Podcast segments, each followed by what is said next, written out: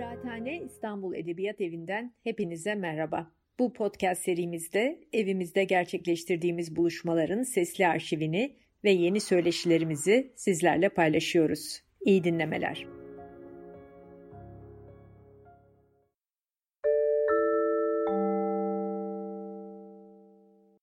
E, merhabalar. Öncelikle herkese hoş geldiniz demek istiyoruz. Kıraathane İstanbul Edebiyat Evi'nin tiyatro konuşmaları kapsamında bu akşam modern Türkiye tiyatrosunun inşasında Ermenilerin rolünü konuşacağız.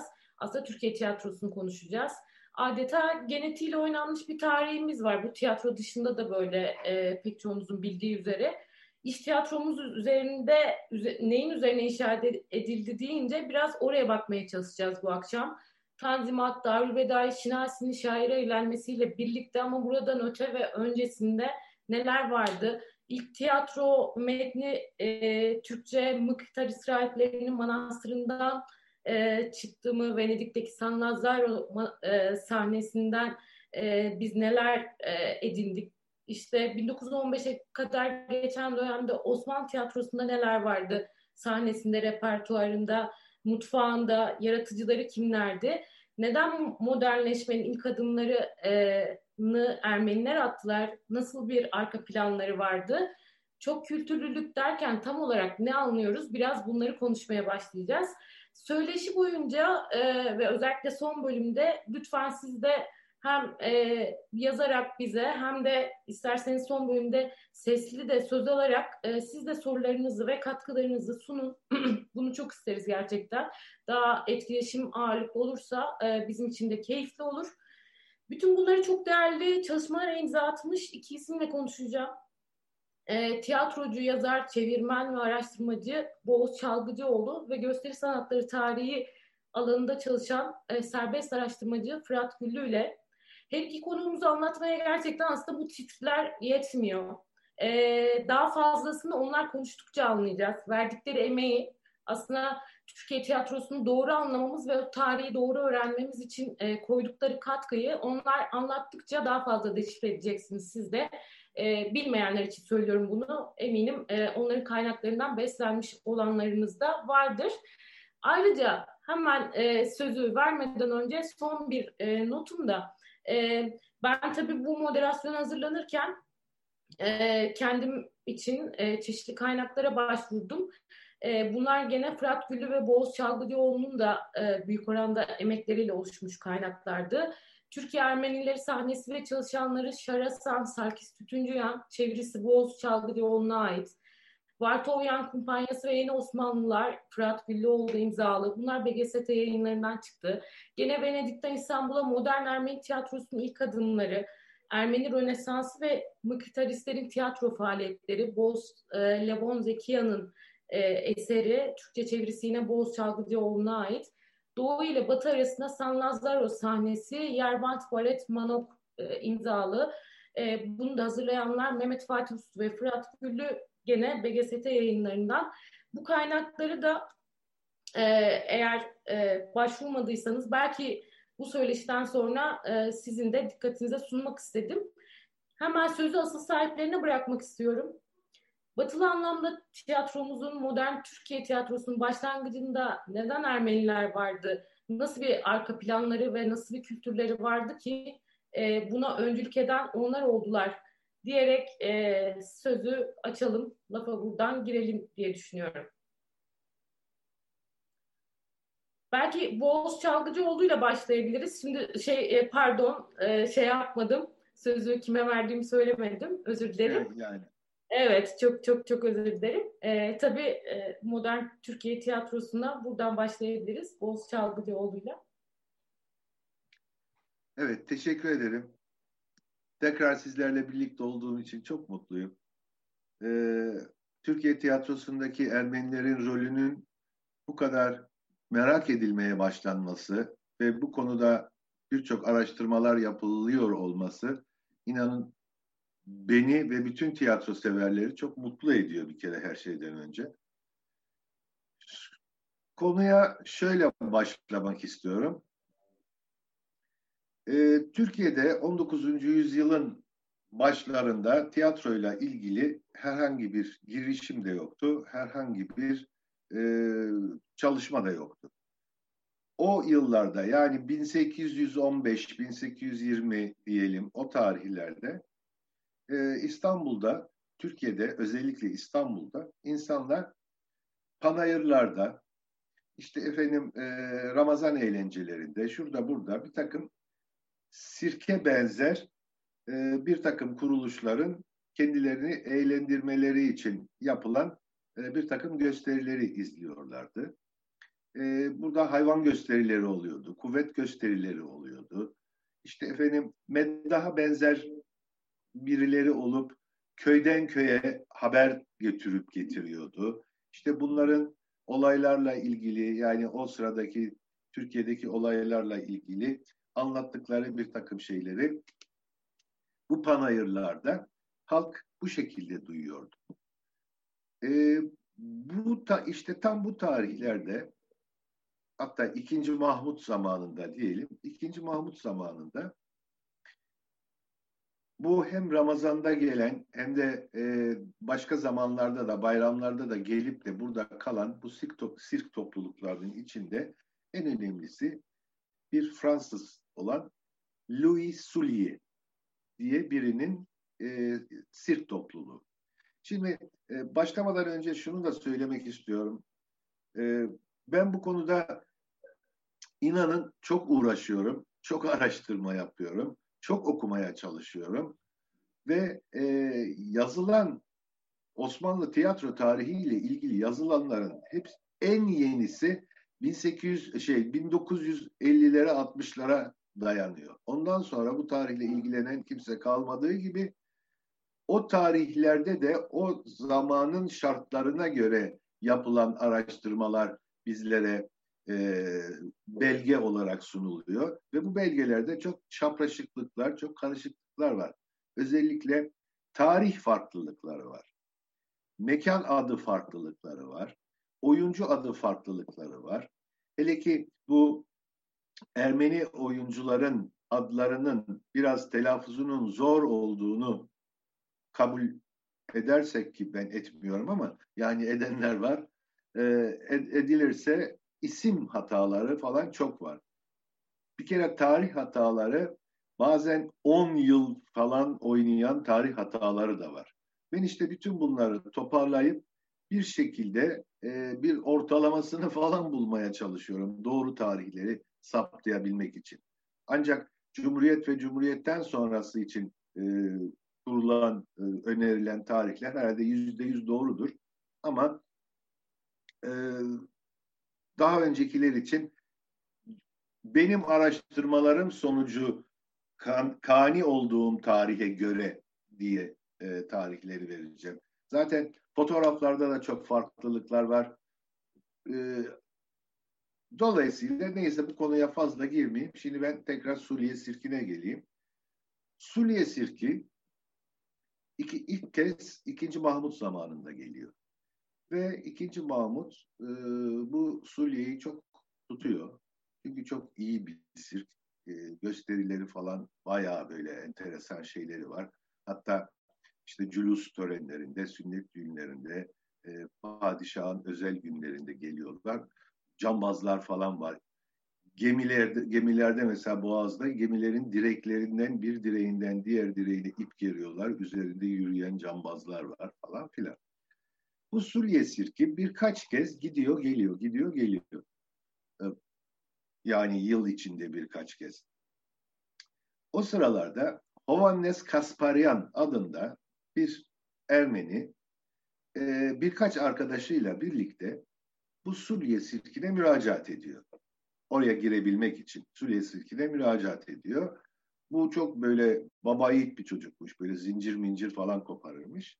Arkadaşlarıyla beraber Sulye sirkine dahil ediliyorlar. Stajyer oyuncu olarak, ücretsiz amatör stajyer oyuncu olarak giriyorlar ve bunlar e, Sulye'den bir sürü şey öğreniyorlar tabii. Sulye de onlara yardım ediyor. Ve biraz sonra e, konu oraya gelecek zaten ki bu 1846'ya kadar sürüyor. 1846'da artık bu Hovannes Kasparyan kendi sirkini kuruyor. Kendi adamlarıyla e, dışarıdan da başka adamlar topluyor ve kendi sirkini kuruyor ki bu ilk Türkiye'deki e, Türk tabağlı demeyeyim de yani Türkiye vatandaşlarının kurduğu bir sirk oluyor.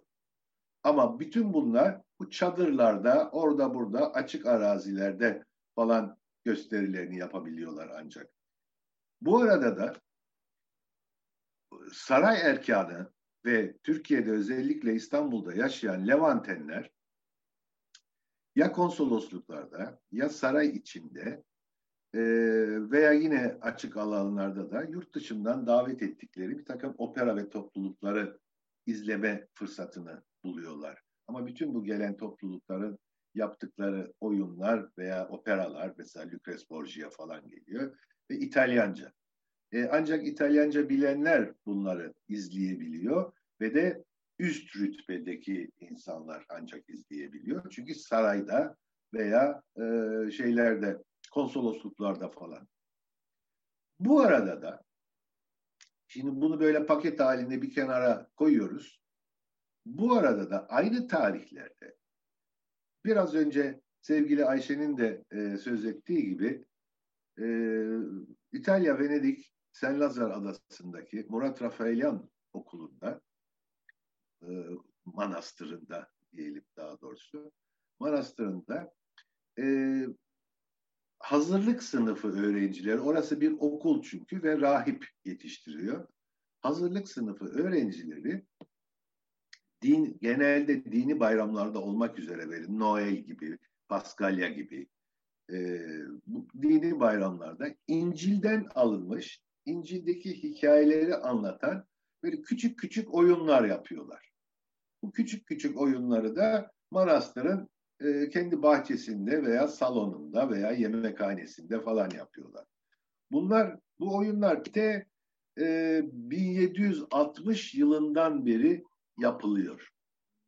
Ama elimizde yazılı bir şey yok bu 1760 oyunların metniyle ilgili. Ama bir takım belgeler var. Bu belgelerden anlıyoruz ki e, o tarihlerde tiyatro diyebileceğimiz tırnak içinde İncil'den alınan özel e, bölümler sahneleniyor. Ayrıca da kahramanlık e, destanlarından alınan bölümler öğrenciler tarafından sahneleniyor ve bunu ancak manastır sakinleri izleyebiliyorlar. Ve bu e, sahnelemeler krapar dediğimiz eski Ermenice ile sahneleniyor. Yani şu anda bizim kullandığımız, biz Ermenilerin kullandığı Ermenice değil. Daha eski, biraz daha e, Ermenistan Ermenicesine benzeyen farklı bir dil. 1883'te 1883'te şeyde bu Sen Lazar Adası'nda çok büyük bir yangın oluyor. Ve bu yangınla orada kütüphane yanıyor ve o kütüphanede kurtulan 7-8 tane ancak eser bulunabiliyor ki bunlar da e, sevgili arkadaşımız rahmetli dostumuz Yervant Baret Manok kendi kitabında bunlardan bahsediyor. İşte şimdi bu okula gidip de tahsil alan Sırabyon Hekimyan, Mıgırdiç Beşiktaşlıyan, e, İlyas Çayyan gibi bir takım üst düzey mezunlar diyelim. Yani her okuldan mezunlar olur da bir de böyle okulun en iyileri falan gibi mezunlar olur. Bunlar onlar da Bunlar artık yavaş yavaş İstanbul'a dönmeye başlıyorlar. Yani tahsillerini tamamlıyorlar ve İstanbul'a dönmeye başlıyorlar. Ve orada öğrendiklerini İstanbul'da da yapma eğilimindeler. Bu arada da bizim biraz önce bahsettiğimiz bu Ovannes Kasparyan kendisine bir sirk kuruyor. Orada bir takım gösteriler yapıyor ve aynı zamanda da bu ekip daha küçük bir kadroyla o zamanki İstanbul'da yaşayan Ermeni amiraların, amira diyoruz bunlara, ağalar diyelim, e, burjuvalar diyelim, Ermeni burjuvaların evlerinde, bahçelerinde bir takım gösteriler yapıyorlar. İşte bu gidip de orada tahsil görüp gelen çocuklar da bunların çocukları aslında. Bu e, evde ikamet edenlerin çocukları veya akrabaları diyelim. Ve e, yani tiyatroyla ilgili İstanbul seyircisinin ilk gördüğü şey çünkü bu Kasparyan aynı zamanda küçük küçük böyle e, pantomima diyorlar o zaman. Fazla sözü olmayan iki kişilik skeçler falan da yapıyor. Bu çocuklar oradan buraya ha ve bu arada da yine bununla böyle bir kısaca bir söyleyeyim.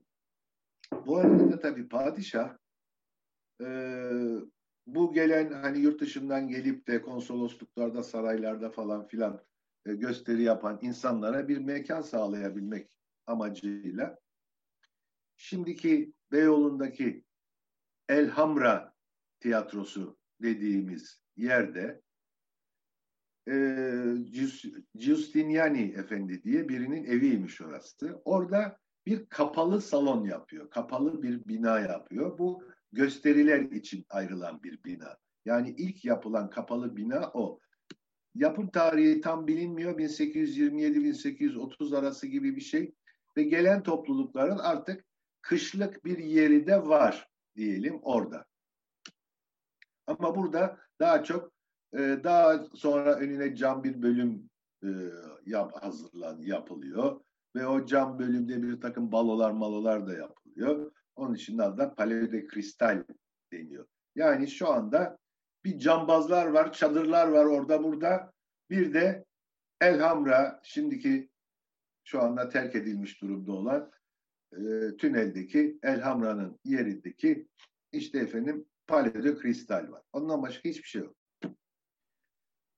Bu gelen çocuklar şimdi tekrar oraya bağlıyoruz. Bu gelen çocuklar Ortaköy'de, efendim Kuzguncuk'ta, Üsküdar'da, Kadıköy'de bir takım yerlerde mesela e, çatı katlarında veya evlerin şeylerinde, e, balkonlarında, bahçelerinde falan filan bir takım gösteriler yapmaya başlıyorlar. Önümde bir takım da notlar var. Yanlış bir şey söylemeyeyim diye bir taraftan da notlarımı da kurcalıyorum. Peki ben burada bir küçük araya girebilir miyim? Bu arada bu son söylediğiniz çok dikkat çekici. Şundan hani bu 2000'lerin e, başında e, genç alternatif e, Türkiye tiyatrosundaki e, bu daha doğrusu alternatif tiyatrolar olarak ortaya çıkan alternatif mekanlar olarak ortaya çıkan şeyin de aslında tarihsel olarak o mekan kullanımı şeyine e, gene tarihten bir referans olmuş oldu bu son söylediğiniz. Evet, evet. O, bu enteresan geldi. Bir de Boğaz Bey, e, peki Osmanlı tarafını tam derinleştirmeden önce e, acaba bu ilk başladığımız noktada e, Fırat Güllü'ye de bir e, söz verip sonra yeniden Osmanlı'ya dönsek, çok iyi olur. Devam etsek e, nasıl olur? Gayet iyi olur. Ben e, Fırat Bey size dönerken e, bir şey daha eklemek istiyorum. E, Osmanlı modern tiyatro faaliyetleri neden Ermeni toplumuyla başladı dediğimde şeyi de düşünüyorum. Yani inanılmaz bir yazıyla e, davranma, her şeyi kaydetme, arşivleme gibi bir geleneği de var Ermeni toplumunun. Bu da çok dikkate değer. Belki e, bunlar ışığında da bu soruyu yanıtlayabilirsiniz. Teşekkür ediyorum. Yani Bo Boğaz abi böyle çok güzel anlatınca ben kendimi kaybediyorum. Aslında konuşmak yerine dinlemeyi tercih ediyorum. Bazen bizim sohbet bizim sohbetlerimizde sık sık benim de e, içine düştüğüm bir durum oluyor bu. E, yani şimdi şöyle e, aslında e, Boğaz abinin çizdiği yere kadar ilerlersek e, oradan sonra tekrar o belki alıp devam eder. Şimdi e, aslında e, Hrant Dink Vakfı'nın e, 2014 yılında e, düzenlediği bir e, şey e, konferans vardı. E, orada e, yok edilen medeniyet diye bu kitaplaştırıldı da sonra. E, orada ben bir konuşma yapmıştım. Konuşmada da e, 2013 yılında 27 Mart Dünya Tiyatrolar Günü sebebiyle düzenlediğimiz bir toplantıda ilk defa bu sizin bahsettiğiniz modern Ermeni tiyatrosunun ilk adımları Boğaz Zekiya'nın önemli kitabı e, yayınlanmıştı. Onunla ilgili bir etkinlik yapmıştık. e, Profesör Doktor Çetin Sarıkartal da orada bir konuşma yapmıştı. Ben şimdi onu bir aslında okumak istiyorum. Çok değerli bir, de, e, önemli bir değerlendirmeydi aslında bu. E, kendisi e, Zekiyan hocamızın arkasından bir konuşma yapmıştı. O yüzden şöyle başlıyor. Değerli hocamız tarih boyunca tiyatroya beşiklik etmiş ve gelişimine katkıda bulunmuş birçok uygarlıktan ve halktan bahsedebileceğimizi ama Ermenilerin tiyatro ile iştigalinin antik çağlardan modern zamanlara kadar büyük bir istikrarla neredeyse kesintisiz bir biçimde sürdürülüşünü tiyatronun geniş yelpazede yazılacak tarihi içerisinde yegane örneklerden birisi olduğunu söylemişti. Zekiyan hocamızın hacmen küçük gibi görünen muazzam biçimde damıtılmış tarihsel bilgi ve belgeye dayalı kitabında ortaya koyduğu gibi tiyatro yüzyıllar boyunca Ermeni kültürünün en önemli temel taşlarından birisi ola gelmişti. Üstelik Ermeniler bu konudaki kültürel birikimlerini komşularıyla paylaşma konusunda her zaman büyük bir isteklilik göstermişlerdir. Bu bakış açısı içerisinde yaklaşıldığında Osmanlı Ermenilerin 19. yüzyılda içinde yaşadıkları topraklarda batılı modern tiyatronun inşasına verdikleri hizmetin de bir tesadüf olmadığı ortaya çıkar. Ben bunu çok değerli bir saptama olarak görüyorum. Çünkü bir kere burada iki şey söyleniyor. Bir, hani bizim antik Yunan dediğimiz ve yani işte tiyatronun beşiği kabul ettiğimiz uygarlıkla beraber aslında hatta ondan daha bile e, kesintisiz bir biçimde çünkü Yunan uygarlığının kesintilere uğradığını biliyoruz tiyatroyla olan ilişkisini e, kesintisiz bir biçimde ilerleten bir uygarlık aslında. Yani Ermenilerin e, böyle bir özelliği var yani tiyatro ile kurdukları ilişkileri. Çünkü biz biliyoruz ki e, yani e, çok büyük bir e, Yunan etkisiyle hani milattan önce e, 4. 5. yüzyılda bile e, tiyatro oyunları saraylarda sergilendiğini filan anlatan bazı e, kaynaklara rastlıyoruz. Yani çok uzun süren bir ortaklıktan söz ediyoruz. Ama şimdi burada burada ortaya çıkış biçimi biraz farklı. Yani tabii ki e, o konjonktür içinde anlamlandırmak gerekiyor. E, bu arada e, Boğaz abi de e, sevgili dostumuz Baret'i andı. E, onun e, bizi yakından e, takip ettiğine eminim şu anda. E, mutlaka bizi dinliyordur. E, ne yazık ki onu çok e, genç kaybettik ama bu, bu çalışması kendisi tarafından e, çok sıradan bulunmakla beraber aslında Türkiye'deki tiyatro ortamında büyük bir tartışma yarattı. E, bu da o sizin söylediğiniz yazılı kültürün e, sonuçlarından birisi aslında ama e, yine benim gözlemlediğim kadarıyla Ermeni toplumu kendisi bu kadar kadim ve büyük bir uygarlığa sahip olmasına rağmen bu konularda da oldukça mütevazidir ve e, kendileri çok ön plana çıkmayı istemezler. E, o yüzden de yani mesela yani bu kitabın yayınlanması için aradan belki 20-25 sene geçmesi gerekmiştir çalışmanın yapılmasından sonra. Yani bunlar aslında dediğim gibi o e, uygarlığın bir parçası, bir e, kültürel özelliği diyorum. Şimdi aslında e, şöyle bir sözle başlamak istiyorum. Aslında hepimiz birinin çocuğuyuz yerde. Ben e, bir tarihçi olarak yüzyılların da e, birbirlerinin çocukları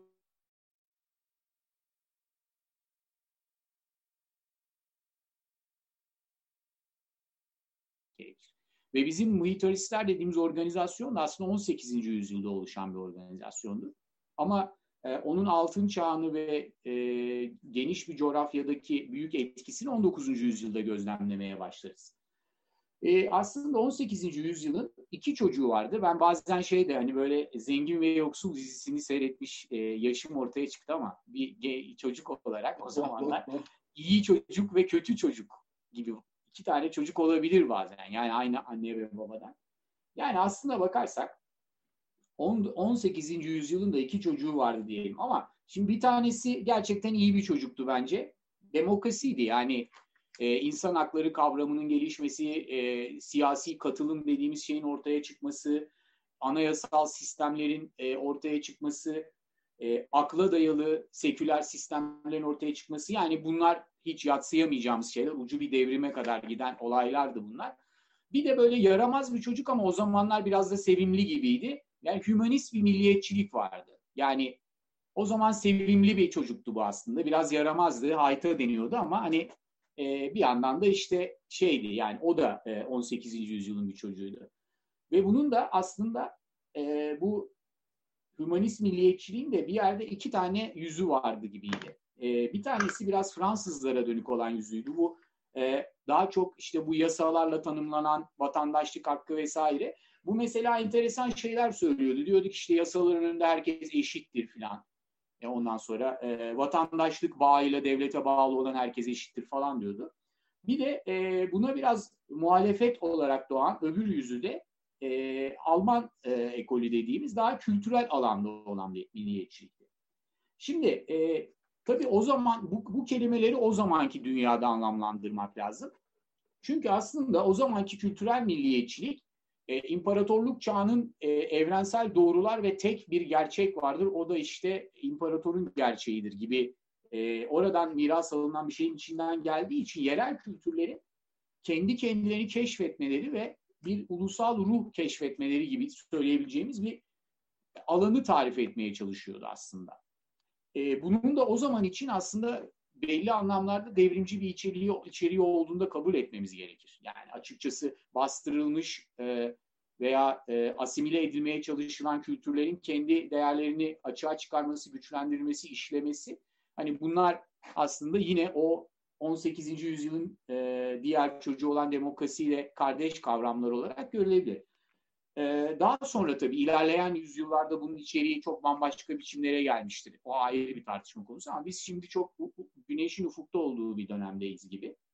Şimdi aslına bakarsak e, bizim militaristlerin yaptığı işi biraz bu kültürel milliyetçiliğe biraz dayandırmamız lazım. Yani şöyle bir Ermeni aydınlanması yaratmak, Ermeni dilinin ilk önemli sözlüklerini yazmak, gramer kitaplarını yazmak ama bunların her birisi aslında e, bazıları 8-9 dil üzerinden işleyen gramer kitaplarıydı. Karşılaştırmalı gramer kitaplarıydı. Çünkü Ermenilerin çok geniş bir coğrafyada yaşadığını düşünürsek onların yaşamış olduğu birçok e, coğrafyanın dillerini de içine alan bir araştırmaydı bu.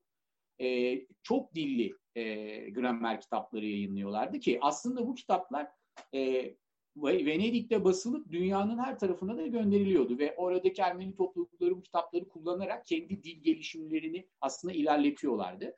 Tabii bunun içerisinde büyük bir bölümü de yine halk kültürünün alınarak yani o e, işte her dere dayanan, ucu her dere dayanan kültürel milliyetçi formülasyon içinde konuşursak aslında e, halk kültürünü alarak onu modern sanatçının işlemesi ve modernize etmesi e, ve evrensel sanat eserlerine dönüştürmesi. Bu da e, ulusun ruhunu aslında ortaya çıkartacaktır. Yani bunlarla çok yakından aslında temaslı olan şeyler. E, dolayısıyla da bu militarist hareketin içerisinde biz o e, halk kültürüne veya e, Ermeni dilinin gelişimine, Ermeni tarihinin gelişimine dönük bir çaba görürüz. Bunun formatlarından da en popüler olanı tiyatrodur aslında. Şimdi yalnız militaristleri bizim bu kadar inceliyor olmamız bir anda şundan da kaynaklanıyor. Çünkü gerçekten e, aslında dünyanın her yerinden oraya insanlar gitse de Ermeniler başka yerlerden de Ermeniler oraya gitse de İstanbul Ermenilerin oradaki belirleyiciliği biraz daha farklı. Şununla da alakalı. E, biz mesela şöyle bir şey görüyoruz oradaki oyuncu oyunları incelediğimizde. Tragedya tarzında olanlar Ermenice az önce Boğaz abinin söylediği gibi Krapar Ermenicesi yani biraz daha eski Osmanlıca diyebileceğimiz şeye tekabül eden belki.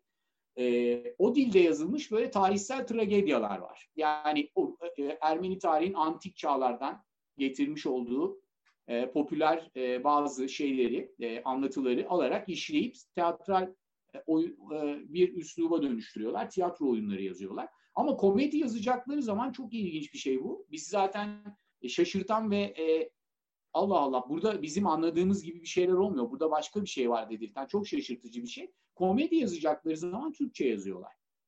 Yani bu ilginç bir şey. İşte bizim bu Baret'in hazırladığı kitap yaklaşık 30 tane falan yaklaşık kalmış oyun vardır. Bunları da e, Pınar bilmiyorum bizi izliyorsa e, o da e, bunu duyuyordur. E, Pınar e, bu, diye bir arkadaşımız e, bunları toparladı aslında ama burada sadece üç tanesi yayınlanmıştır. Daha fazla sayıdadır. Yani dolayısıyla e, o komedi oyunlarının örneklerini biz burada görürüz ve gerçekten bunların İstanbul'daki Karagöz veya Orta Oyunu benzeri oyunlara çok benzediğini de görürüz. Bunlar e, 18. yüzyılın son çeyreğinde yazılmış olan oyunlar. Oldukça erken. Ve de şöyle bir durum da var. 18. yüzyılın aslında 3. çeyreğinde bir yangın çıkıyor Mıhitarist e, Manastır'da ve çok sayıda eser yanıyor. Yani o nedenle de belki biraz e, daha erken olanlara ulaşamıyoruz. Ama belki daha erken de vardı. Şimdi bunu bunu şuraya bağlayacağım. Ee, aslında e, militaristlerin dediğimiz gibi Ermeni aydınlanmasını yaratmak, Ermeni kültürünü geliştirmek, Ermeni dilini geliştirmek, Ermeni tarihini e, bilinir hale getirmek ve Ermeni milli ruhunu aslında yüceltmek için yaptığı bütün bu çalışmalarda e, Türkçeyi de kullanıyor olmaları onların kimliklerinin aslında bugün anladığımız anlamda e, milli kimlik dediğimiz şeyin işte tek devlet, tek dil vesaire gibi bir şeyin içine sıkıştırılamayacağını gösteriyor. Aslında onlar gramer kitaplarını bile 6-7 dilli yazarken o içinde yaşadıkları ülkelerin dilini de kendi kültürlerinin bir parçası olduklarını aslında sembolize etmişlerdir. Hatta bugün Ayşe Hanım'la konuşmuştuk. E, bu kitabın kapağında e, Baret'in özellikle seçtiği bir e, tablo vardı. Burada Militarist Manastır'da bir Osmanlı bayrağı asılı olduğunu görürüz. Napolyon'un işgali sırasında e, San Lazar e, Manastırı'na Osmanlı bayrağını çekerler ki hani burası Osmanlı toprağı buraya girersen Osmanlılarla da aran bozulur gibisinden. Ve bu taktik işe yarar. E, bütün manastırları kapatır Napolyon ama burayı enstitü olarak kabul eder ve kapatmaz. Ve bu manastırın kesintisiz bir şekilde yüzyıllarca sürmesinin sırlarından bir tanesi de budur. E, buradan şimdi şeye gelmek istiyorum. Orada ben bırakacağım. Çok fazla uzatmayacağım. Benimki ders gibi oluyor. Ben anla, anlatamıyorum başka türlü. E, sonra Boğaz abinin daha e, teatral anlatımına geri döneceğiz söz veriyorum. Şimdi bu dediğim gibi aslında e, Hümanist milliyetçiliğin bir başka yüzü de ama dediğimiz gibi eşitlik, yasalar önünde eşitlik talep eden bir yüzü var. Yani dolayısıyla şimdi Ermeni aydınlanmasının bir ucu evet yani dil çalışmaları, tarih çalışmaları, gramer çalışmaları vesaire ama bir ucu da aslında yavaş yavaş belirginleşen bir modern vatandaşlık kavramına doğru gidiyor. Yani içinde yaşadıkları topluluğun içinde eşitlik, yasa önündeki eşitliği istemek, katılım hakkı istemek gibi bazı e, başka bunun uzantıları da oluyor. Dolayısıyla böyle bir noktaya geldiğimizde aslında bu politik bir harekete de doğrudan doğruya dönüşüyor. Şimdi biz Ermeni tiyatrosunun ilk başlangıçlarını bütün bu sözünü ettiğim aydınlanma, modernleşme ve demokratikleşme hareketlerinin bir çocuğu olarak ele almak zorundayız. Yani kendi başına 2-3 arkadaşın canı sıkıldığı için yaptığı bir hobi faaliyeti olarak değil, tümüyle bu hareketlerin kendini ifade etmek aracı, amacıyla okullara soktuğu ve okullar yoluyla gelişen bir sanat hareketi olarak görmek gerekir. O yüzden de Boğaz abinin söylediği gibi buradan mezun olan çocuklar ondan sonra İstanbul'a dönüp orada e, ünlü birçok ünlü Ermeni tiyatrosunun kumpanyasının kurucusu olarak isimlerini duyacağımız kişiler oluyorlar ya da yazar oluyorlar. Oyun yazarları oluyorlar. Ben burada bırakayım. Evet tam e, gerçekten harika paslaşıyorsunuz. E, zaten e, şeyi söyleyecektim ben de arada. O oyunlarda da e, kitaptan e, bahsettiğiniz o üç oyunda da aslında biz dönemin e, insan e, tipik insan e, karakterlerin çizimlerini biraz atmosferini biraz işte gündelik hayatını da yakalıyoruz. O yüzden de aslında pek çok konuda kültürel olarak da bir sürü kodu barındırıyor hakikaten o oyunlar. E, Boğaz Bey'le de zaten tam e, getirdiğiniz yerde bırakmıştık. O zaman e, Osmanlı tiyatrosu dediğimiz denilen, anlatılan ve işte çok zengin, çok e, tiyatromuzun ivme aldığı anlatılan o zamanlarda sahnede kimler vardı, hangi mekanlar, topluluklar vardı, neler oynuyorlardı, neler anlatıyorlardı, e, repertuar seçimleri nelerdi ve bir de tabii e, Boğaz Bey siz bu konuda zaten e, çalışmalarınızda da e, titizlikle anlatıyorsunuz. Osmanlı tiyatrosu dediğimizin e, alt başlıklarında neler var? E, onları biraz dinleyebiliriz. Oldu. Pa pası aldım şimdi devam ediyorum. ee, dediğimiz gibi işte bu Senlazar'da tahsil gören çocuklar İstanbul'a dönmeye başlıyorlar ve Fırat'ın da söylediği gibi işte bunlar daha sonraki e, yıllarda e, yazar, oyuncu, tiyatro kurucusu olarak göreceğimiz insanlar. Bu arada İstanbul'da yine e, bu ekibi bağlayabilmek adına bir bağlama noktası var ki onu anlatmadan e, geçemeyeceğim diğer tarafa. e, konsolosluklarda orada burada yapılan bu tip oyunlar hep e, kapalı mekan olarak ancak oraları onun dışındaki yerler hep açık mekanlarda olduğunu söylemiştim zaten. İşte e, Pera'da ve de bu Fransız tiyatrosu konserlerle, balolarla falan filan çok fazla meşgul olduğu için tiyatro biraz e, geri planda kalmaya başladı. Fakat padişah da o tip şeyleri çok seviyor. Şeyde de Beyoğlu'nda da şimdiki çiçek pasajının olduğu yerde ki o sokak o balık pazarına giden sokağa bakarsanız o sokağın adı tiyatro sokağıdır. İşte o köşede Lübnanlı Beyrut, Beyrut, Beyrutlu tütün tüccarı e, Mikhail Naum adlı birinin evi varmış. 1830-39 tarihlerinde, 39'da. Fakat bir yangın oluyor. O ev yanıyor. o ev yanıyor. Adam orayı öylece bırakıyor. Orası öyle enkaz halinde duruyor. Kendisi başka tarafta yaşamaya başlıyor. O sıralarda da İstanbul'daki hani bu anlattığım sirklerden bir tanesi olan e, Bosco diye bir adam Bartolomeo Bosco diye bir adam geliyor ve o arsayı kiralıyor. Boş duruyor çünkü arsa. Ve o arsada bir minik bir at cambazhanesi yapıyor. Atlarla ilgili gösteriler yapıyor filan. E, padişah da tiyatro yapılması için kapalı bir mekan düşünüyor. Naum'un da padişahla arası çok iyi. Naum'u çağırıyor padişah. Diyor ki ben sana destek olacağım. O toprak senindi. O toprağı oradan geri al. Ben sana yardım da edeceğim ve orada bir tiyatro binası yap. Ve Naum Bosco'dan orayı geri alıyor ve orada Naum Tiyatrosu dediğimiz binayı yapıyor. İlk yapılan resmi tiyatro binası Naum'dur. Naum Tiyatrosu. Bu Naum Tiyatrosu ve de Mikail Naum padişahtan 15 yıllık da 1846 yılında 15 yıllık da tekel alıyor. O zaman bütün bu bu tip işler tekelle yapılırmış. Zaten tütün tekeli onda. Yani Türkiye'ye tütünü sadece Mikail Naum getirebilir. Başka hiç kimse getiremez. Ve 15 yıllığına da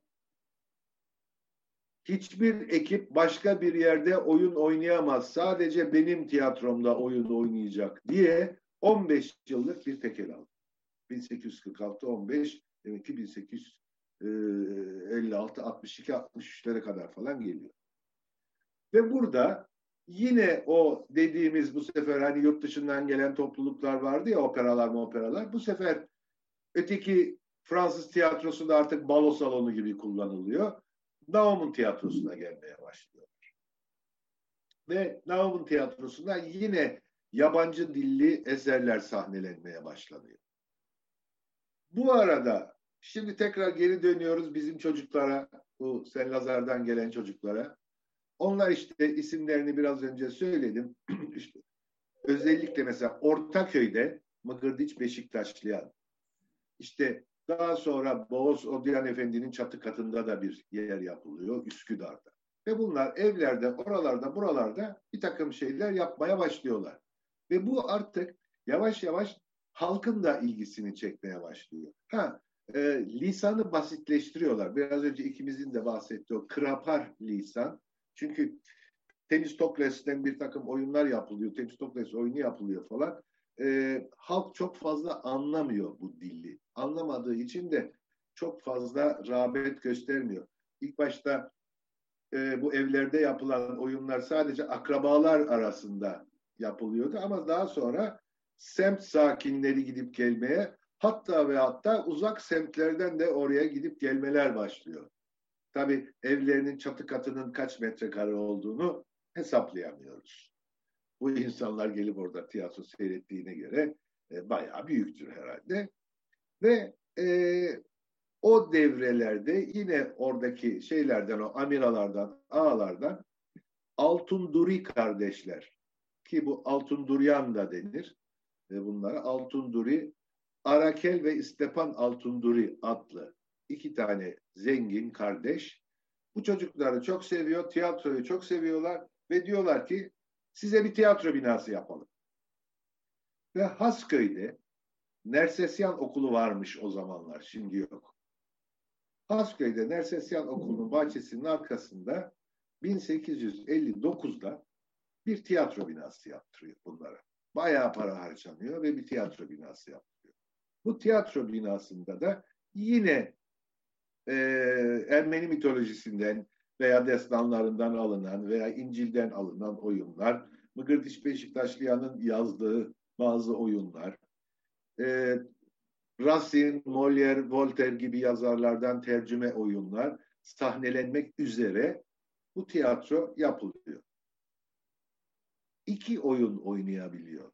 Bir tanesi Lanetli Aile, öteki de başka bir şeydi. Şu anda adını unuttum. Ve de bu tiyatro yıkılıyor. İşte ilk tiyatro yıkımımız Türkiye tarihinde böyle başlıyor.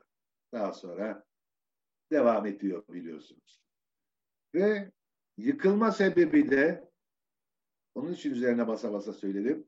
Biraz önce hani Mikail Naum'un tekeli vardı ya benden başka hiçbir yerde kimse bir şey yapamaz diye. İşte Mikail Naum haber alıyor ki bu çocuklar işi bayağı büyüttüler ve de seyirci çalıyorlar. Dolayısıyla elindeki fermana dayanarak gidiyor kapılarına dayanıyor ve o tiyatro binasını yıktırıyor. Bu sefer oradaki o ekip çaresiz e artık kadroda büyüyor, oyunlar da tercüme edilmeye başlanıyor, bir sürü farklı oyunlar çıkıyor falan filan sahneleyecekler. Mecburen Srabyon Hekimyan'ın organizasyonuyla bütün bu çocuklar hepsi bir ekip kuruyorlar ve Naum'un sahnesine taşınıyorlar. Yani artık tiyatro oralardan geldi ve bir profesyonel binanın içine girdi. Naum'un sahnesinde bazı oyunlar oynanıyor. Bir sürü oyuncu ilk kez Naum'un sahnesinde sahneye çıkıyor. Naum tiyatrosunda sahneye çıkıyor. Hatta bunlardan bir tanesi şöyle bir ona böyle bir hafifçe bir girip çıkayım. Ee, sahneye çıkan ilk Müslüman kadın oyuncu falan filan diye Afife Jale filan denir ya ki ona da gireriz icabında zamanımız kalırsa. Ermeniler de o tarihlerde ama arada bir 60-70 sene var sahneye kadınların sahneye çıkmaları yasaktı. Onlar da sahneye çıkamıyorlardı. Ve ilk kez 1860 gibi bir tarihte e, Mardiros Mınakyan bilinen Mardiros Mınakyan Aristodem oyununda Gezarya rolüyle kız rolüyle sahneye çıkmıştır mesela. Ve Naum'da sahneye çıkmış. Naum tiyatrosunda bu oyunlar devam ederken tabi o zamanki aydınlatma şartlarının şamdanlar, kandiller, mumlar olduğu, binaların hep ahşap olduğu göz önüne alınırsa ikide bir yangın çıkıyor. Ve sonunda o kadar çok tekrar binayı yapıyorlar, tekrar yanıyor, tekrar yapıyorlar. Ee, Naum sahnesi sürekli yangınla karşı karşıya sonunda yanıyor, tamamen kül oluyor. Ama bu sırada da Naum'un, Mikael Naum'un tekel süresi bitiyor. Ve Srabyon Hekimyan bir takım arkadaşlarıyla Naum'un hemen yanında şimdiki Tokatlayan pasajı dediğimiz, Tokatlayan Hanı dediğimiz yerde bulunan Kafe Orientali 5 yıllığına kiralıyor. Ve orada Şark Tiyatrosu'nu kuruyor. Şimdi arkadaşlar bu şark tiyatrosu çok önemli. Şark tiyatrosu bu saydığımız tarihlerden, andığımız tarihlerden e, 20. yüzyıla kadar diyeyim, 20. yüzyıl başına kadar sahneye çıkan aşağı yukarı 100-150 tane 200'e yakın Ermeni oyuncu muhakkak şark tiyatrosunda sahneye çıkmıştır. Ama küçük rolle ama büyük rolle. Ve o yıllarda şark tiyatrosunun bir kötü yanı var. Bir kere çok büyük masraflar yapılmış. İnanılmaz e, masraflarla dekorlar yapılmış. İtalya'dan dekoratör getirtilmiş. O zaman çok e, ünlü bir Merlo diye bir dekoratör varmış. O zamanki dekorlar bilirsiniz böyle panolar halinde böyle kocaman kocaman mağara resmi, saray resmi, ev resmi, orman resmi çizilmiş. Şark tiyatrosunda bunlardan 93 tane varmış mesela. Dekoru, ışığı tabii şamdanlar, kandiller e, çok büyük masraflar yapılmış. Ve bütün oyuncular oradan bir kez geçmişlerdir. Ve orada iki onbaşılar oyunuyla başlıyor. Pulcinella adlı komedi sahneleniyor. İlk oyunlar bunlar. Burada bir de enteresan bir şey daha söylemek istiyorum size. Ama halk artık yavaş yavaş e, tiyatroya ayağa alışıyor ama daha önce tiyatroya gittiği zaman sadece e, şey gibi sessiz film seyreder gibi seyrediyordu. Çünkü lisanı anlamıyor. Bu oyunların çoğu da ayrıca da Ermenice. Yani yüzde sekseni Ermenice, yüzde yirmisi Türkçe. Ee, Türk Ermenice bilmeyenler de gidiyor. Ama bir şey anlamadan seyrediyorlar. Sadece sahnedeki hareket onlara zevk veriyor diyelim. Ve bu belli bir süre böyle gidince bu sefer e, oyuncuları daha çok eğitmek ve Türk halkının problemleriyle veya Türk halkının eğlence anlayışına e, ışık tutabilecek bir takım oyunlar düzenleme yapma meselesi çıkıyor. İşte bu durumda da ilk yazılan telif eserimiz olarak kabul edilen Tovmas Berends diye bir vatandaşın, Ermeni vatandaşın Aldatılan Eğinli diye bir oyunu yapılıyor. Bu oyun ilk önce Ortaköy'de de oynanıyor aslında ama daha sonra Naum'da büyük sahnede 4-500 kişilik e, salonda e, genel seyirciye açılıyor. Bunun da çok enteresan bir e, şeysi var. Onu da böyle söyleyeyim geçeyim. Bu Eğinliler, Elazığ Eğinliler çok akıllı olurlarmış. Onları aldatmak pek kolay değilmiş. Aldatılan Eğinli diye bir oyun İstanbul'da e, ortalığı karıştırınca bütün Eğinliler İstanbul'a hücum etmişler, akın etmişler. Bu Eğinli'yi anlatan kimdir göreceğiz diye ve herkes tiyatroya gelmiş. Böyle bir anekdot da var. Ve bu arada da dediğim gibi e, o kadar çok şey var ki kafamda toparlamaya da çalışıyorum. Mesela çok önemli e, oyuncularımızdan Bedros Atamyan o zamanlar şark tiyatrosunun yeni açıldığı zamanlar bir çocuk. Çocuk yaşlarda. Ve e, İstepan Ekşiyan diye bir adam o zaman yönetiyor ve e, Bedros Atamyan her oyuna harçlığından para biriktirir, her oyuna gidermiş. Her oyunu seyredermiş. O kadar tiyatroyu çok severmiş. Okumak istemiyor, tiyatroya gitmek istiyor. Ve sonunda parası kalmıyor artık tiyatroya verecek. Tiyatronun kapısında öyle bakarken Stepan Ekşiyan'ı görüyor. Tanıyor tabii ki Ekşiyan'ı. Ve yalvarıyor, yakarıyor. Ne olur beni bedava tiyatroya alın diye. Acıyor, alıyor onu. Hatta bir tane de sözsüz bir rol veriyor ona. Ve e, serbest giriş kartıyla e, Bedros Atamyan sürekli tiyatroya gidip gelmeye başlıyor. Şart tiyatrosuna gidip gelmeye başlıyor. Bir oyunda da buna küçük bir rol veriyorlar. Sahneye çıkacak ve sahnede geber hain diyecek. Laf da bu. Geber hain. İlk Bedros Atamyan'ın tiyatro ile ilgilenen arkadaşlar bu ismi çok yakinen tanırlar. Bedros Atamyan sahnede rolü geldiğinde, zamanı geldiğinde öyle bir geber, hain diyor ki bütün salon ayağa kalkıyor. Nasıl oluyor bilmiyorum. Benim pek aklım ermiyor o işe ama bu nasıl bir geber hain demek? Bu nasıl büyük bir yetenek diye millet böyle gözyaşları içinde ayaklara falan kalkıyorlar böyle ne oluyor falan filan. Nasıl geber hainmişse bu, bu öyle bir geber hain işte. Ve Bedros Atamyan ondan sonra Bedros Atamyan oluyor ama. Dünyanın en iyi Shakespeare yorumcusu oluyor işte İtalya'ya gidiyor, Danimarka'ya gidiyor. Bütün Hamlet'i yorumluyor, şunu yapıyor, bunu yapıyor falan.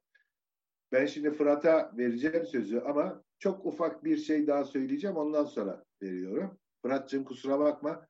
Bu, bu da güzel bir şey.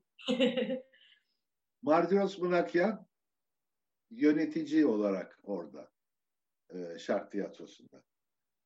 Asti diye bir yönetmen çağırıyorlar. Asti İtalyan bir yönetmen. Yaşlı bir adam ama ona yaşlı kurt diyorlar hatta. Asti'yi çağırıyorlar bunları yönetsin diye. Daha sonra Mardiros Munakyan'la çünkü Mardiros Munakyan 1920'de ölmüş.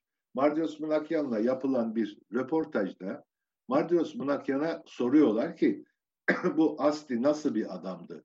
Size ne yaptı diye ve çok kısa şunu size okumak istiyorum. Bu Mardiros Munakyan'ın kendi sözleri. Asti gelmeden önce biz sahnede ellerimizi kollarımızı sallayarak ve birbirimize korkunç bakışlar atarak bir aşağı bir yukarı yürürdük. Gök gürültüsü gibi seslerle ulurduk. Konuşacağımıza şarkı söylerdik. Ağzımız konuşurdu ama yüzümüz hayır. Hepimiz konuşurduk ama oynamazdık. O zamanki oyun anlayışı bu. Ama Asti denilen adam yere çizgiler çizerek bilmem neler yaparak falan bu adamların hepsini eğitiyor. Ve şark tiyatrosunun en son bir de sonunu söyleyeyim. İlk başta oyunculara falan çok büyük bir demokratik haklar sağlanıyor. Repertuar seçmekte serbestler. Para bölüşülüyor. Herkes hakkını alıyor. Hiçbir problem yok falan filan. Fakat e, sonlarına doğru bu da e, tipik işte insan karakteri. Sen çok para aldın, ben çok ben az para aldım gibi bir takım tartışmalar çıkmaya başlıyor. Üçüncü yılın sonunda. Ve bir gün Stepan Ekşiyan e, Nel Sokağı, Nel Feneri'nin Esrarı diye bir oyunda, oyunun ikinci perdesinde halk beklerken sahneye çıkıyor ve diyor ki sayın seyirciler kusura bakmayın ben artık oynamıyorum diyor. Çünkü bu adamlar benim paramı vermiyorlar diyor. Oynamayacağım diyor. Aç karnına oyun oynanmaz diyor bilmem ne. Ki o oyun da aslında fakirler yararına e, düzenlenmiş bir gece. Halk araya giriyor, düzeltmeye çalışıyorlar durumu falan filan. Para etmiyor, oynamıyor ve ondan sonra da şark tiyatrosu işte bu 1864 yılı oluyor. Şark tiyatrosu yavaş yavaş geriliyor ve bütün oyuncular oraya buraya dağılarak yeni yeni küçük gruplar kuruluyor ama şark tiyatrosu kapanıyor deyip şimdi Fırat'a hasıl edeyim. Ee, tekrar size dönerken belki diyorum e, bu dönüm noktalarını konuşuyoruz ya parça parça size yeniden Hagop Güllü ile dönebilirim. E, burada Fırat Güllü'ye de e, Fırat Güllü, Hagop Güllü zaten akraba onlar. Tahmin ettim ama e, burada aslında sizin bu çizdiğiniz e, yani Osmanlı'da İstanbul'da e, dönemin tiyatrosu aslında bugünün tiyatrosunun dediğiniz gibi kökleri e, şey, oluşturulurken e, kök salarken e, nasıl bir siyasal e, atmosfer vardı ve sosyolojik atmosfer vardı? Belki bize biraz onu da anlatabilir. Yani bütün bu e, özellikle belki Avrupa gözüyle e, Osmanlı o meşhur işte çok kültürlülüğü önemseyen ve buna alan açan e, olarak tarif edildiği şey e, tabanda toplum içinde Ermeni halkına e, resmi bakışta nasıl görünüyordu e, ve hani birden bir yani ne oldu ne yaşandı e, bütün bu tırnak içinde özgürlük atmosferinin e, sonunda. Evet yani sonuçta bir aralar gerçekten de e, bu Osmanlı'nın çok kültürlülüğü acaba bir model olabilir mi falan diye e, o güzel günlerde Avrupa Birliği bünyesinde bile bu konular tartışılıyordu. Yani işte Osmanlı'nın o çok kültürlülüğü acaba bizim bugünkü çok kültürlülüğümüze veya işte kültürel çoğulcu anlayışımıza acaba uygun düşer mi falan diye. Yani tabii herkes e, tarih e, yani e, orada duran bir şey. E, herkes kendine göre e, oradan bir şeyler alıp istediği gibi yorumlamakta tabii özgür. Kendine göre bir şey içerisinde bunu bir araya getirebilir. Oradan bir takım parçaları. Ama sonuç olarak biz şunu biliyoruz. Yani nihayetinde e, az önce söylemiş olduğumuz Ermeni aydınlanmasının ve vatandaşlık hakları mücadelesine bunun zaman içinde dönüşmesini modern bir vatandaş kavramı üzerinden aslında olduğunu görüyoruz. Yani bu Osmanlı'da olan bir şey hiçbir zaman olmadı yani açıkçası. Hatta belli dönemlerde bu konuda bazı adımlar atılmış olsa bile e, çok da fazla büyük ilerlemelerin sağlandığını düşünmek de doğru olmaz. Yani Osmanlı tipik bir aslında e, yani Roma İmparatoru, bir imparatorluğu, Bizans İmparatorluğu neyse yani çok uluslu bir imparatorluktu ve hiyerarşiler içerisinde halkların birlikteliği söz konusuydu. Yani herkesin sınırları çizilmişti. O sınırlar içerisinde kendi varoluşunu yaşatmasına da izin verilmişti. Ama bunların kamusal alan, alandaki görünürlükleri, iktidara, iktidar mekanizmasına dahil oluş biçimleri bunların hepsi tamamen çok katı kurallara dayanıyordu ve yani işte e, mahkum millet ve egemen millet ayrımı üzerinden işleyen bir yapı vardı aslında. E, imparatorluğun sahipleri Müslümanlardı. E, diğer diğerleri de tabii ki burada yaşarlardı ama belli konularda da işte çok fazla e, egemen e, halkla da yarışmaya kalkmamaları gerekiyordu. Kiliselerine daha yüksek yapmamaları gerekiyordu. Ata binmemeleri gerekiyordu falan filan. Yani dolayısıyla aslında e, bu şartlarda yani e, tabii ki yaşamanıza izin veriliyordu. Ama şimdi bizim bahsettiğimiz dönem dediğim gibi artık yavaş yavaş hani modern vatandaşlık kavramının ve e, bir devletin tebaası olmaktansa o devleti yasal e, haklara sahip ve e, şeyli vatandaşlık tanımı anayasal olarak tarif edilmiş bir e, üyesi olmak üzerine hareket şekilleniyor. Şimdi bu tabii enteresan bir şekilde bir açılım dönemiyle de örtüştü. Şimdi Boğaz abinin o bahsetmiş olduğu e, profesyonelleşme girişimi aslında bu hareket içinde bir dönüm noktasına işaret eder. Çünkü ondan önce aslında az önce de konuştuğumuz gibi bu okullarda başlayan bir kültür hareketinin sözcüsü olarak ortaya çıkan bir sanattı. Yani kendini oradan besliyordu ve e, kendi varoluşunu da orada anlamlandırıyordu. Yani mesela e, sonuç olarak bir Ermeninin tiyatro yapıyor ol, olurken ki en büyük kaygılarından ya da bir tiyatro oyunu yazarken ki en büyük kaygılarından birisi tabii ki dilin gelişimine katkı sunmak ya da tarihi bir konuyu e, bir anlatım aracıyla bunu anlatmaktı. Ama şimdi burada e, Osmanlı Devleti'nde içine girmiş olduğu bizim tanzimat, ıslahat, meşrutiyet diye giden o biraz liberalleşme dönemi diyebileceğimiz dönem içerisinde özellikle de e, kapitalist ilişkilerin de artık Osmanlı Devleti'nin içine girmeye başlaması e, ve dünya e, aslında ticaretin entegre olmaya başlaması, dünya ekonomisini entegre olmaya başlamasıyla beraber aslında e, farklı bir biçime bürünmeye başladı. İşte bu profesyonelleşme meselesi aslında bir nevi hani bir kültür endüstrisinin ortaya çıkmaya başladığının emareleri olarak da görülebilir. Tabii bu çok cılız ve oldukça e, yüzeysel bir e, endüstriydi. Yani çok büyük bir derinliği olduğunu düşünmemek lazım. Ama İstanbul'da böyle bir e, şey vardı yani böyle bir piyasa vardı. İnsanlar buna ilgi gösteren insanlar vardı. Bunları izleyen, takip eden insanlar vardı. Hatta bunu yerli unsurlar olarak Ermeniler yapmasaydı e, zaten İtalyanlar, Fransızlar yapıyordu. Onları izleyeceklerdi. Yani dolayısıyla burada aslında hani Osmanlı bünyesinde bir e, unsurun, İstanbullu, özbeöz İstanbullu bir unsurun çıkıp bunu yapıyor olması tabii ki ilgi çekici bir konuydu.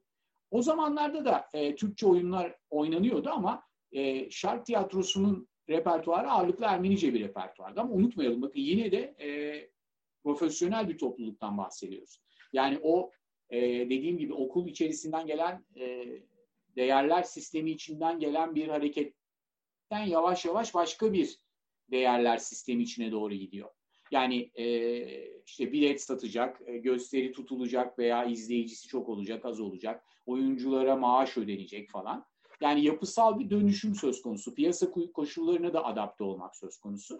Tabii bu desteklendiği sürece belli zengin kişiler tarafından biraz daha mümkün oluyor ama onlar desteklemediğinde tabii tiyatronun kaderi bellidir.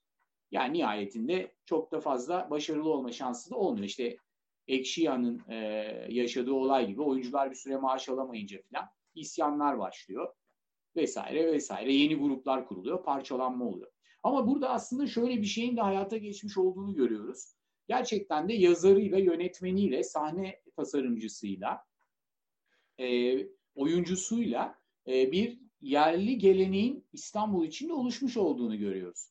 Az önce söylediğim gibi bu insanlar İstanbul'da diğer e, cemaatlerle de dirsek teması içerisinde oldukları için aslında e, Ermenice dışında Türkçeyi mutlaka biliyorlardı ve konuşuyorlardı. Hatta yazılı dil olarak da kullanıyorlardı. E, ama onun dışında belki Ermenice, Bulgarca gibi İstanbul'un diğer farklı cemaatlerinin de dillerini kullanıyorlardı. Yani böyle çok dilliliğin tabii yani Osmanlı'dan kalan bir miras olarak İstanbul'da güçlü olduğunu e, çok iyi biliyoruz yani 19. yüzyılda. Şimdi bunun bunun içerisinde aslında e, bu sözünü ettiğimiz yetişmiş kadroları e, şark tiyatrosundan sonra farklı bir bağlam içerisinde yeniden bir araya getiren kişi işte asıl e, şeye geliyoruz tabii. E, gecenin yıldızları, yıldızlarından birisine. Yani Hagop Bartov yani ya da bizim e, edebiyat kitaplarımızda bir zamanlar geçtiği gibi ben mesela yakın zamanlarda bakmıştım artık edebiyat kitaplarında e, şey Ahmet Mithat Efendi'nin adı geçmeye başlamıştı. Yani Türkiye'de tiyatroyu başlatan kişi olarak ders kitaplarında onun adını gördüm. Bilmiyorum belki sonradan yine değişmiştir ama e, yakın zamanda bakmadım. Ama yani bir, bir süre önce baktığımda Ahmet Mithat Efendi'nin adı geçiyordu. Ama bizim ben lisede okurken hani Güllü Agop adıyla net bir şekilde Türkiye'deki Türkçe tiyatronun başlatıcısı olarak adının zikredildiğini, o da tabii işte zaten Metin Andın falan ortaya koyduğu çalışmalardan e, dolayı oluyor bu. Yani dolayısıyla böyle bir e, Güllü Agop olarak, Agop Vartovyan olarak hiç kimse bilmez ama Güllü Agop olarak tanınan bir figürdür aslında. Şimdi e, Güllü Agop'un yaptığı şey şu oluyor. E, aslında yetişmiş olan bir insan gücü dağılıyor şark tiyatrosunun parçalanmasıyla Agop Efendi de aslında şey yönüyle çok önemli birisi. Onu Boğaz abi anlatırken hep şu sözcüğü kullanır. Yani eğer bu adam okumuş olsaydı bir, ban bir bankayı mükemmelen yönetirdi şeklinde. Böyle enteresan bir esnaf ruhu ve e, iyi bir kumpanya patronluğu var. E, gerçekten ama şöyle mesela işte oyuncuların paralarını öder, sözleşme yapar. Sözleşmeye riayet etmezse ceza keser, maaşından alır, geç gelirse provaya bilmem ne falan. Yani böyle enteresan bir kumpanya işletmeciliğine başlıyor. Ama burada da e, Naum'da olduğu gibi yine e, işte o sırada tiyatroya ilgi duyan ve kendi politik amaçları için de biraz ilgi duyan bazı Osmanlı aydınlarını filan da kullanarak 1868 ile 78 arasında 10 yıllık bir tekel. O da şu demek aslında Türkçe oynanacak olan, bakın burada bir anda farklı bir kategoriye geçtik.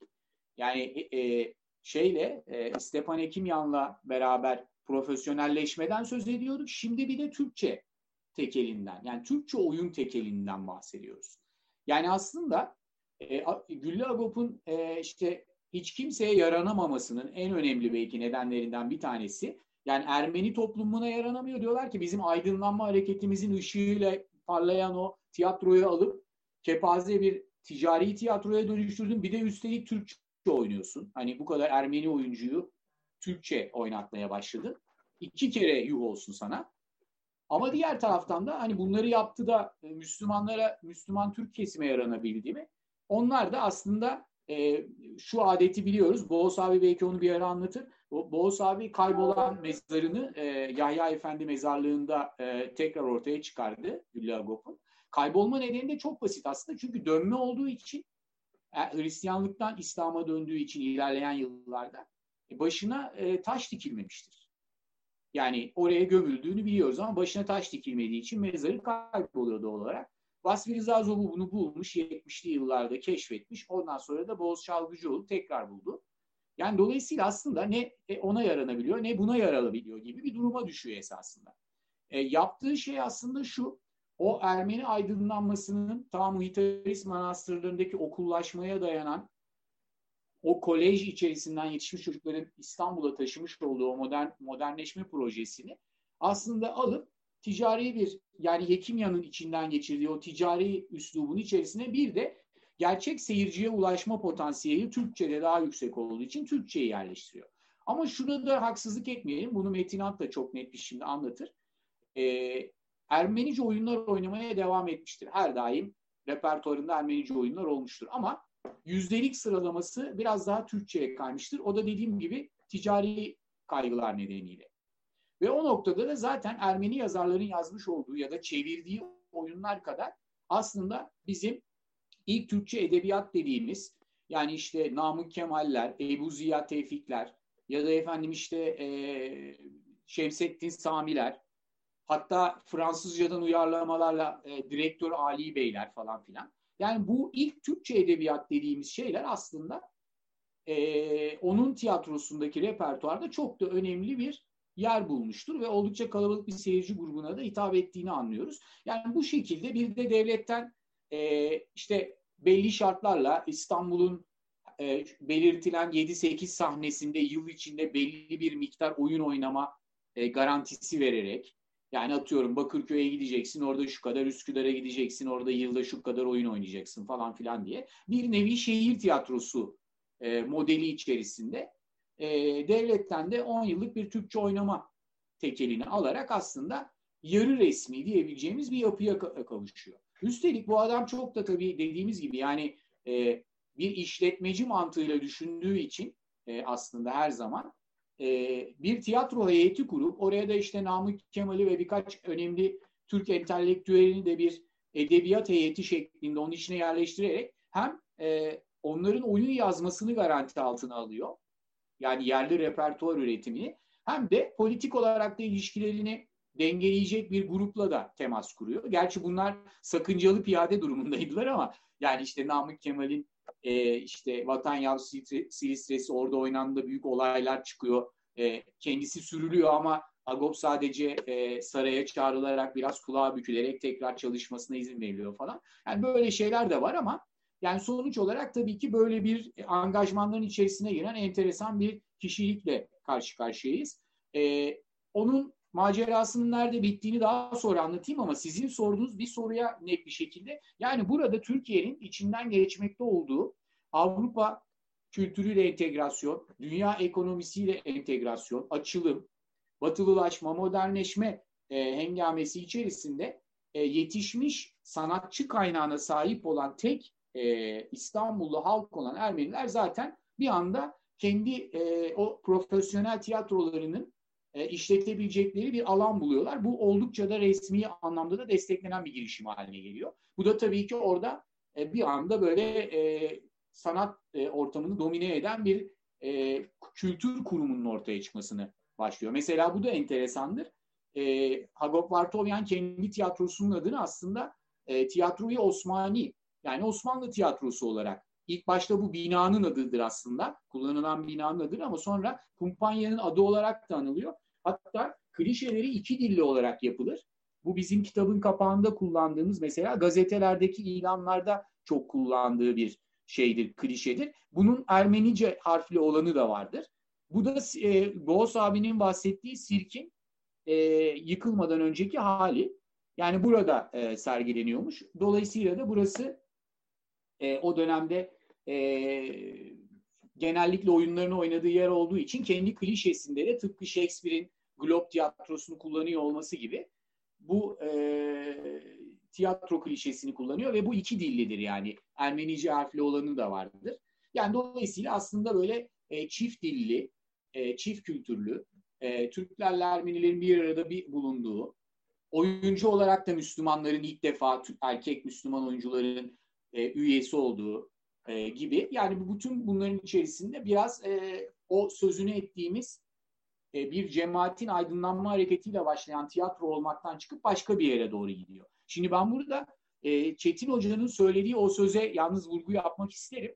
Ermeniler hangi toplumda ve hangi yüzyılda olursa olsun tiyatro ile ilgilenmişlerdir ve de komşularına da bunu taşımışlardır sözünü önemsiyorum. Yani burada kapalı bir bakış açısı yoktur aslında. Yani o komşuyla birlikte bunu paylaşmak e, onun bir parçası olmak, Türkçeyi de Ermenice kadar benimsemek ve kullanmak. Yani bunlar aslında o sözünü ettiğimiz şeyle de alakalı olan şeyler. Sonra herhalde üçüncü roundda da e, bu işler nasıl birdenbire değiştiği konuşuruz diye düşünüyorum ama bunlar 10 yıllık anda, e, e, birazdan gelelim. Burada e, Boğaz Bey'e tekrar söz vereyim. Bu arada süremizi epey bir hızlı e, şey yaptık. Tüketiyoruz. E, tüketiyoruz. E, yani Hagop Baronya'nın şark dişçisini bize kazandıran Boğaz çalgıcı oldu aynı zamanda ve şehir tiyatrolarında yıllarca kapalı kişi oynadı. Hepimiz e, büyük bir hayranlıkla izledik. E, ben Engin Alkan'ın restiyle izledim ve hani hakikaten e, muhteşem bir şeydi. Şimdi bir de aslında müzikaller açısından da bir e, Türkiye tiyatrosu da çok önemli bir bu anlamda da tiyatro tiyatral olarak da çok önemli bir dönüm noktası aslında bahsettiğimiz isim.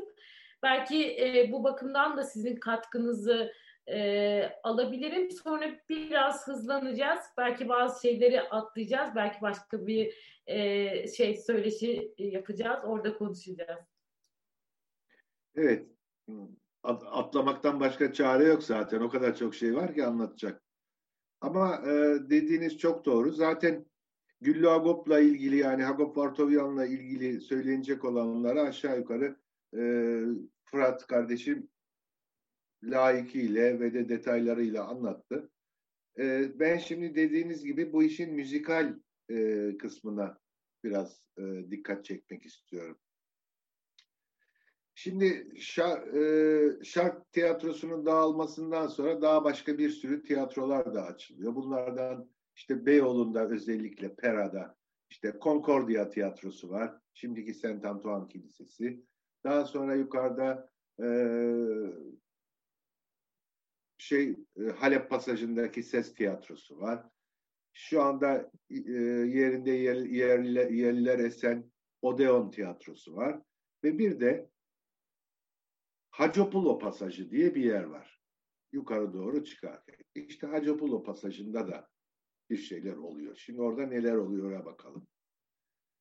Bu Güllagop'un aldığı 10 yıllık tekel nedeniyle bu tekelin içinde hem Türkçe oyunlar var hem de belli bir metine yani teksti olan oyun oynama tekeli de onun. Dolayısıyla başka dilde de olsa e, diğer oyuncular buna takılıyorlar. Yani Ermenice de oynamış, oynuyor olsa metni var mı var o zaman oynayamazsın diyorlar. Ama bu tekel fermanının 10-12 maddelik bir şey bu. İçinde Serof ve Benliyan diye bir zatı muhterem bir açık buluyor. O açıkta şu. Müzikallerle ilgili, müzikli tiyatrolarla ilgili herhangi bir kayıt yok. O da bundan faydalanarak ki ayrıca da şunu da şöyle kısaca söyleyeyim. Bu metinli tiyatro oynama yasağı da Türkiye'deki tülüatın oluşmasına, orta oyununun oluşmasına ve tamamen Anadolu'yu yansıtan Türk esprileriyle, Osmanlı esprileriyle halka da o devirlerde özellikle bazen de böyle hafif belden aşağı esprilerin de olduğu o tülüatın da doğmasına sebep olmuştur bu metin yasağı. Ve Serov ve Benlian bu açıktan faydalanarak bir operet tiyatrosu kurmaya karar verir. O zamanki oyuncular ki e, hatırlarsanız bir takım böyle eski Amerikan müzikal oyun film, filmlerini seyrettiğimiz zaman böyle Gene Kelly'li, Fred Astaire'li filmleri seyrettiğimiz zaman e, dikkat edin. Adamlar hem oynuyor, hem şarkı söyleyebiliyor, hem de dans edebiliyor. Ermeni oyuncuların içinde de birçok primadonnalar vardı, baritonlar vardı. Mesela Mardiros Munatyan çok iyi bir baritondu. İşte öteki çok iyi bir tenor, öteki çok iyi bir soprano. Arusyak Papazyan çok iyi bir soprano mesela. Bunları topluyor. Bir de Fırat'ın da dediği gibi e, Güllagop işi o kadar disipline bir halde götürüyordu ki işte provaya gelmeyenden şu kadar ceza e, efendim öksürürsen şudur, orada budur. Bir, bir sürü böyle de cezalar var. Hatta onların arasında bir Karekin Rıştuni diye bir adamcağız var. Bu Karekin Rıştuni verem oluyor. O zaman da tiyatrocuların yüzde sekseni veremden ölüyor zaten. Ve de oyunlara gelemiyor. Gelemediği için maaşını kesiyor bunu. O da maaşı kesildiği için ilaç alamıyor. İlaç alamadığı için de ölüyor falan filan. Böyle gaddarlıklar da var yani işin içinde. Gaddarlık değil diyelim onlara. Bu şartların sıkılığından, disiplinin üst düzey olmasından ve de yavaş yavaş da artık bütün bu alınan tedbirler Güllagop'un cebini doldurmak için tezgahlanmış gibi bir hal almaya başlayınca bu oyuncuların da oradan e, sıkıntıları, rahatsızlıklarından Serope Benlian bunları topluyor ve Hacopulo pasajında ki Hazopullo da denir. Orada adı adam olan artık adami adamo olabilir bir İtalyan varmış müzik aletleri satarmış. Onun dükkanında provalara başlıyor. Ve ilk kez e, Kösek Yahya diye bilinen galiba 1872 falan veya o tarihler yani 1870 ile 1880 arasındaki yıllarda önce Kösek Yahya'yı sonra Arif'in İyilesini ve Leblebici Horhora operetlerini yazıyor. Dikran Çohacıyan bunları besteliyor. Bunların içinden özellikle Leblebici Horhora inanılmaz bir şekilde tutuyor. E, çünkü hem müzik var, hem dans var içinde, hem oyun var, hem komedi var, her şey var ve de e, konular hep e, halktan alınmış. Bir tek şey mesela Arif'in İyilesi müfettiş oyununun e, Türkçe versiyonu diyelim. Yani Türkiye'ye has versiyonu haline getirilmiş şekli. E, ve bu oyunlar çok tutuyor. Yurt dışında özellikle Yunanistan'a onlarca turne yapılıyor. Selanik'te inanılmaz kapılar kırılıyor yani o kadar çok tutuluyor. Özellikle Leblebici Horhora ki ondan sonraki yıllarda da Leblebici Horhora 20. yüzyılda da çok sahnelenmiş. Hatta Muhsin Ertuğrul ile onun filmini çekmiş.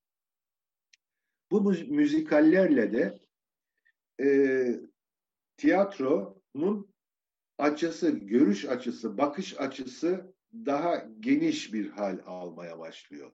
Halk artık müzikten, sadece müzikten hoşlananlar bile tiyatroya gitmeye başlıyorlar. Ve bir entelektüel kesim oluşmaya başlıyor. Ee, özellikle İstanbul sınırları içinde. Güllü Agop zaten hani yeterli tahsil olsaydı bir bankayı mükemmelen yönetebilirdi ya. E, ki bu benim lafım değil aslında. Bu Şarasam'ın lafı yani Sarkis Tütüncüyan'ın lafı ama ben çok sık kullanıyorum. Özellikle kadınların da tiyatroya gidebilmeleri için neler yapılmış. O zaman da kadınlar aslında matinelerde kafes arkasından seyredebiliyorlardı oyunları. Bazı çok özel durumlarda tabii ki. Ama Güllü Agop kadın erkek birlikte seyredilebilecek bir pozisyona getiriyor olayı. Yine kafes arkasındalar ama kadınlarla erkekler aynı salondalar bir şekilde. Diyelim biri parterde, öteki koltukta falan filan olabilir ama ve de o zamanlar e, elektrik falan da yok. Sokaklar karanlık ve Güllagom taksi seferleri koyuyor.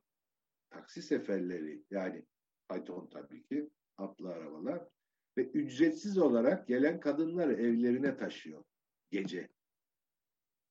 İşte buradaki bu e, bu hareketlilik, bu hareketlilikten doğan tiyatro sevgisi gittikçe gelişiyor, gittikçe çoğalıyor ve Güllü Agop e, şeye karşı, Çuhacıyan'a karşı veya Serot ve Belliyan'a karşı tedbir almak zorunda kalıyor. Çünkü seyircilerin bir kısmı da oraya kaymaya başlıyor. Bu sefer tabii ki adam tüccar. Serope Benliyan'a diyor ki arkadaş kaç paraysa kaç para al ekibini buraya gel. Bu sefer Serope Benliyan ekibiyle uzun bir sürede Güllagop tiyatrosunda müzikaller sahnelemeye başlıyor. Başka oyunlar da sahneliyor bunların dışında. Ve şeyde e, Güllagop'un tiyatrosunda yani Tiyatroyu Osmani'de bir müzikal devre de başlamış oluyor. Ama yavaş yavaş 1880'lere geliyoruz. Tekel'in sonlanmasına ramak kalmış, sonlanması yaklaşıyor ve Güllagop'ta Fırat'ın da dediği gibi e, kadrosunda oluşturduğu edebiyat heyeti, oyuncular, e, oyun yazan heyet, işte Şemsettin Samiler, Namık Kemaller, Ahmet Mithatlar gibi adamlar ve o devrede istibdadın ağırlaşması, e, insanların artık özgürlük, hürriyet diye bağırmaya başlamaları ve özellikle o yıllarda e, Güllagop'un tiyatrosu Jön Türklerin yani yeni Osmanlıların bir harekat merkezi, bir toplantı yeri haline gelmeye başlıyor. Bu biraz tiyatronun kendi şirazesinden kaymasına da sebep oluyor aslında. Çünkü artık neredeyse militan toplantılar falan yapılmaya başlanıyor.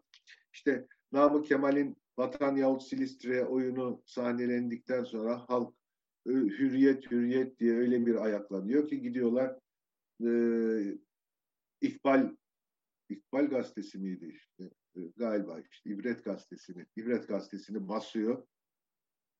E, bu ayaklanmalar işte e, Namık Kemal sürgüne gönderiliyor Kıbrıs'a. Güllagop'un kulağı çekiliyor. Fakat bir kere orada bir problem var diye bu sefer bütün gözler e, tiyatronun üzerinde olmaya başlıyor. Padişahın jurnalcıları falan filan derken sonunda Güllagop'u saraya alıyorlar. Daha önce Ahmet Mithat da saraya alınmıştı. Saraya alınmak demek aslında saray şartlarıyla zevkü sefa içinde yaşamak anlamına gelmiyor. E, padişahın gözü sürekli üzerinde olabilmesi için saraya alınıyor. E, şeye tiyatronun başına Mardiros Mınakyan getiriliyor. Çünkü o sırada o yönetmendi. Hatta 1880 tarihinde bir Ekim ayının sonlarında şey Güllago iki yanında iki tane üst düzey görevliyle, saray görevlisiyle geliyor ve şeye Mardiros Munakyan'a Mardik diyor. Mardiros'un kısaltılması Mardik. Mustafa Mıstık gibi yani. Mardik diyor böyle gözyaşları içinde ki kimileri Ermeni milliyetçiler diyeyim rol yapıyor, numara yapıyor deyip inanmıyorlar aslında. Çocuklarım sana emanet diyor. Bundan sonra diyor sen bu işi götüreceksin diyor. Beni merak etmeyin diyor. Ben iyiyim diyor. Haber haber veririm size deyip böyle boynuna sarılıyor, öpüyor ve saraya gidiyor. Madros Munakyan ondan sonra belli bir süre devam ettiriyor. Fakat Madros Munakyan çok kötü bir yönetici olduğu için yani e, organizasyon anlamında kötü bir yönetici olduğu için ekip gittikçe dalgalanmaya başlıyor. Bölünmeler başlıyor. Müzikalciler ayrılıyor falan filan. Buralara devam edeyim mi daha? Yani şeyin e, sonuna e, o tiyatro Osmani'nin yıkılışına kadar götüreyim mi işi? Yoksa burada durayım mı? Ee, Süre nedir? E, isterseniz oraya gelebiliriz. Ee, yani çok hızlı hızlı çok hızlı hızlı geleyim mi? E, sonuçta yani özellikle de şey yapmak istemiyoruz zaten. Hani e, birkaç tane soru, görüş, e, katkı da var. Yasemin Hanım da süreniz sonsuz, çok güzel bir sohbet öğrenerek dinliyoruz demiş. E, ben sadece sizi e, vakitlice e, ne bileyim e, sonlandırmak söyleşi istemiştim. Ama biraz daha uzatabiliriz. O problem değil. E, sadece siz oraya bağlayın. Sonra ben şöyle düşünüyorum. E, Fırat Bey'le biraz bu işte e, evet. E, 915'e geliriz ve e, en sonunda Dar Bedai ile e, kapatırız. Ben tiyatroyu yıktırayım, orada bırakayım. e, Munakyan belli bir süre orayı devam ettirdikten sonra idare edemiyor artık ve de oradan ayrılıyor. E, direktör arasına geçiyor. Osmanlı Dram Kumpanyası'nı kuruyor. O sıralarda da daha önce e, Bursa'ya gitmiş olan Tovmaz Fasulyacıyan ki bu da çok önemli hem yönetmen hem makyaj ustası hem rol göstericisi yani Hagop Vartovyan, Mardiros Mınakyan, Tovmaz Fasulyacıyan bunlar böyle Bermuda'nın şeytan üçgeni. Bu, bunlar böyle çok önemli adamlar. Thomas Fasulyacıyan Bursa'da 5 yıl kadar Ahmet Vefik Paşa'nın himayesinde Bursa'da e, Molière adaptasyonları oynuyor. E, kadrosu falan o kadar çok iyi değil ama Ahmet Vefik Paşa destek oluyor. Fakat padişah bundan e, nem kapıyor ve Ahmet Vefik Paşa'yı İstanbul'a alıyor. Ahmet Vefik Paşa'yı İstanbul'a alınca e, sponsorsuz kalıyorlar yani Thomas Fasulyacıyan'ın ekibi ve İstanbul'a dönüyor. İşte o sırada da Munakyan oradan ayrılıyor ve e, şeyin Tiyatro Osmani'nin idaresini alıyor. Tiyatro Osmani'yi tamir ettiriyor, şunu bunu yaptırıyor ve orada oyun oynamaya başlıyor. Fakat Ahmet Fehim'in anlatılarına göre Ahmet Fehim de Güllagop'un tiyatrosunda sahne alan ikinci Müslüman oyuncu. Birincisi, bu da hep birincisi diye iddia edilir. Yanlıştır. Birincisi Ahmet Necip, ikincisi Ahmet Fehim. Ahmet Fehim de ondan sonra Muhsin Ertuğrul'dan sonra diyelim en önemli Müslüman oyuncu diyelim. Ee, Ahmet Fehim'in anlatılarına göre sahnede 50 yıl diye bir kitabı var. Oradaki anlatılarına göre e, fasulyeciyanla idare edemiyor ortalığı. Hatta bir dans topluluğu alıyor falan filan işi götürsün diye beceremiyor. O sıralarda da Mardiros Munakyan'ın ekibinde olan Marine Vart diye bir zatı muhterem ki onların da bir trajik aşk öyküleri var Şemsettin Sami ile ilgili. Ee, o, o detaylara girmeyeyim vaktimiz yok. Ee, Ladamo Camelia'yı oynarken yani Camelia'lı kadını oynarken oradaki Margaret Gautier'i oynarken sahnede ölüyor. Marino var. Sahnede ölünce çok çok beğenilen, çok çok sevilen bir kadın sanatçı olduğu için hatta cenazesine 6 bin kişi katılıyor. Ee, ve Şemsettin Sami inanılmaz darmadağın oluyor falan filan ölümden sonra. Thomas Fasulyacıyan onun ölümünü bahane ederek tiyatronun kapısına siyah kurdeleler bağlıyor, yastayız diyor ve Selanik'e kaçıyor. O kaçınca bu sefer Ahmet Fehim Mardiros Mınakyan'la anlaşarak o kiralıyor orayı. Geliyoruz 1884 yılına bu durumda ve e, işte malum Ahmet Mithat'ın Çerkez Özdenleri adlı oyunu oynanırken ki daha önce oynanmış aslında oyun. Fransız tiyatrosunda bile oynanmış ama sürekli padişah veya jurnalcılar ihtar etmişler. Bakın oynamayın bu oyunu, oynamayın bu oyunu diye. Ahmet Fehim zamanında tekrar oynanıyor bu oyun. Ve oynandığı zaman işte oyun bitiyor, ayrılıyorlar. Fakat jurnalciler bu sefer çok iddialı. Padişaha tekrar şikayet ediyorlar ki bunlar bizi dinlemiyorlar falan diye. Ve bir gecede Abdülhamit e, tiyatroyu Osmani'yi yerle bir ediyor. Yıktırıyor. Ahmet Fehim'in anlatılarına göre 400 tane tulumbacı bir gecede yıktı diyor. Ben daha sonra araştırdım. Bu öyle değilmiş. 400 tane tulumbacı bir gecede yıkmamış. Onun anlatısı da çok uzun sürer. Uzun bir süre öyle kalmış. Orayı başkasına kiraya vermişler. Bilmem ne olmuş. Sonunda yıkılmış. Yani öyle bir gecede yıkılmış falan değil. Ama o öyle anlatıyor. Belki e, hayalinin yıkıldığı için öyle bir tabir kullanmıştır. Böylece Tiyatro Osmani'de yıkılınca artık e, tülüatçılar direkler arası ön plana çıkmaya başlıyor. O direkler arasında uzantısından Darül Bedai'ye kadar geliyoruz deyip artık susuyor. Gerçekten e, yani ben de Fırat Bey'le aynı hissi yaşıyorum. Yani hiç susmasanız keşke hani, insanın yani, bir şey de geliyor. Onu da, onu da anlatın demek istiyorum. Şurasını da anlatın demek istiyorum. E, umarım daha çok bunları yaparız ve daha çok konuşuruz.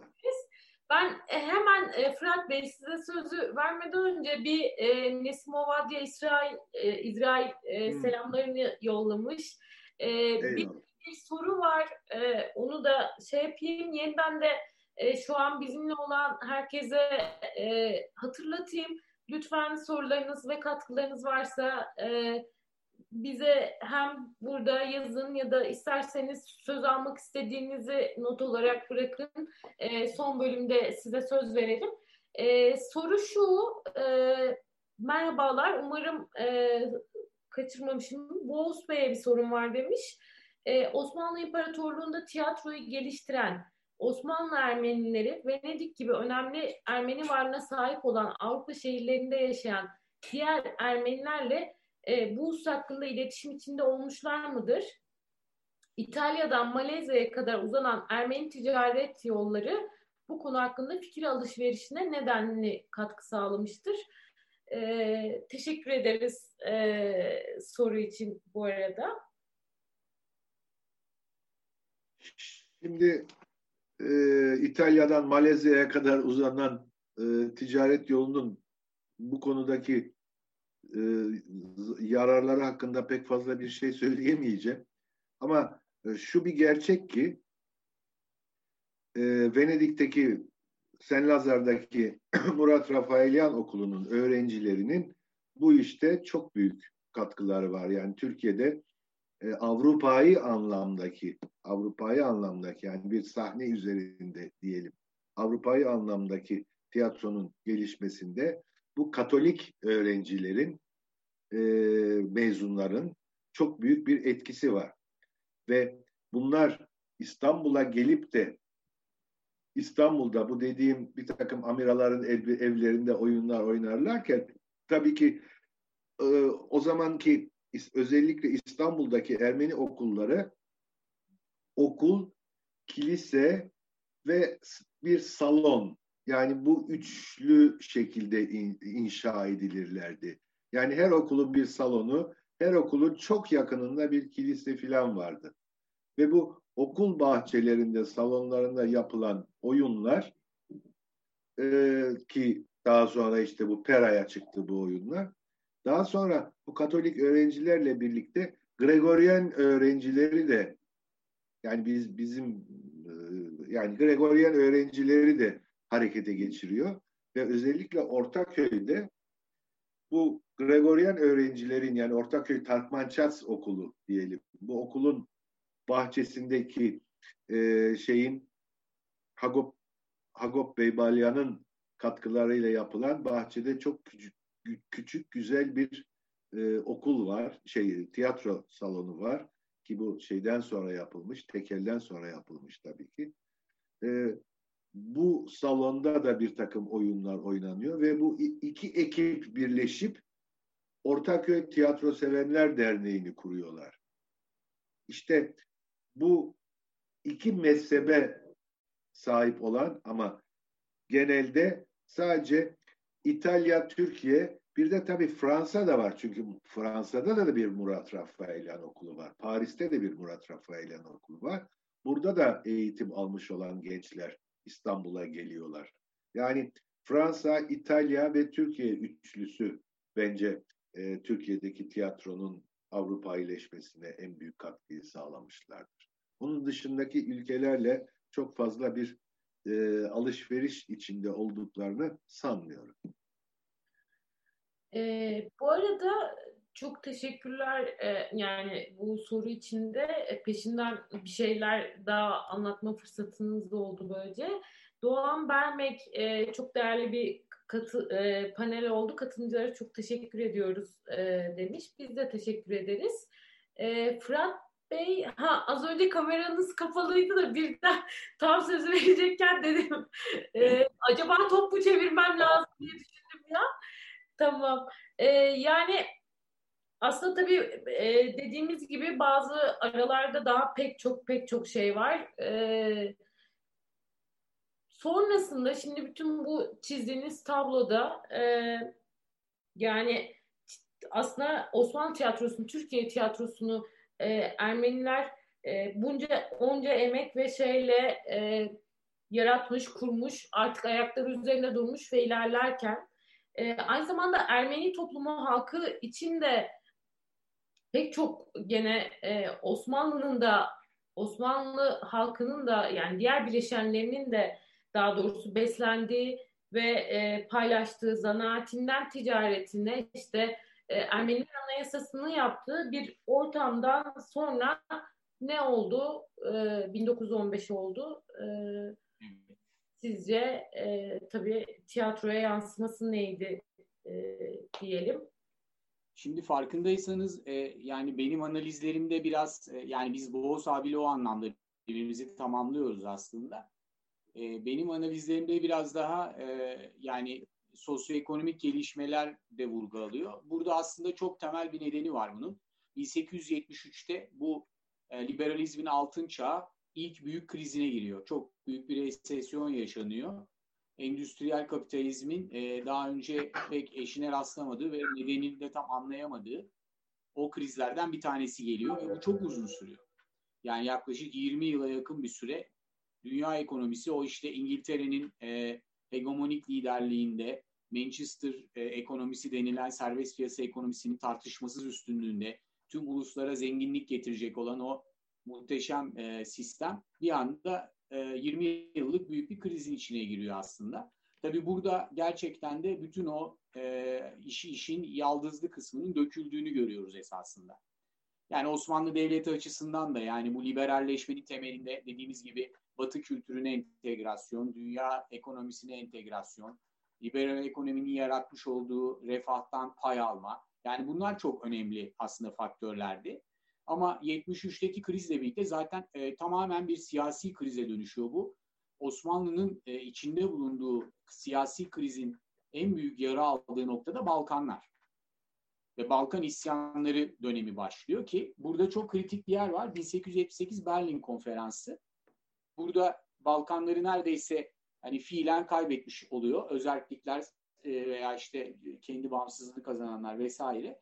Artı aslında Ermenilerin Osmanlı e, toplumu içerisinde politik açıdan zor bir e, dönemece girmelerine neden olacak olan e, ilk defa Ermeni meselesinin e, gündeme geliyor olması uluslararası arenada. Bu Berlin konferansı gerçekten de çok travmatik bir etkiye sahip Osmanlı Devleti üzerinde.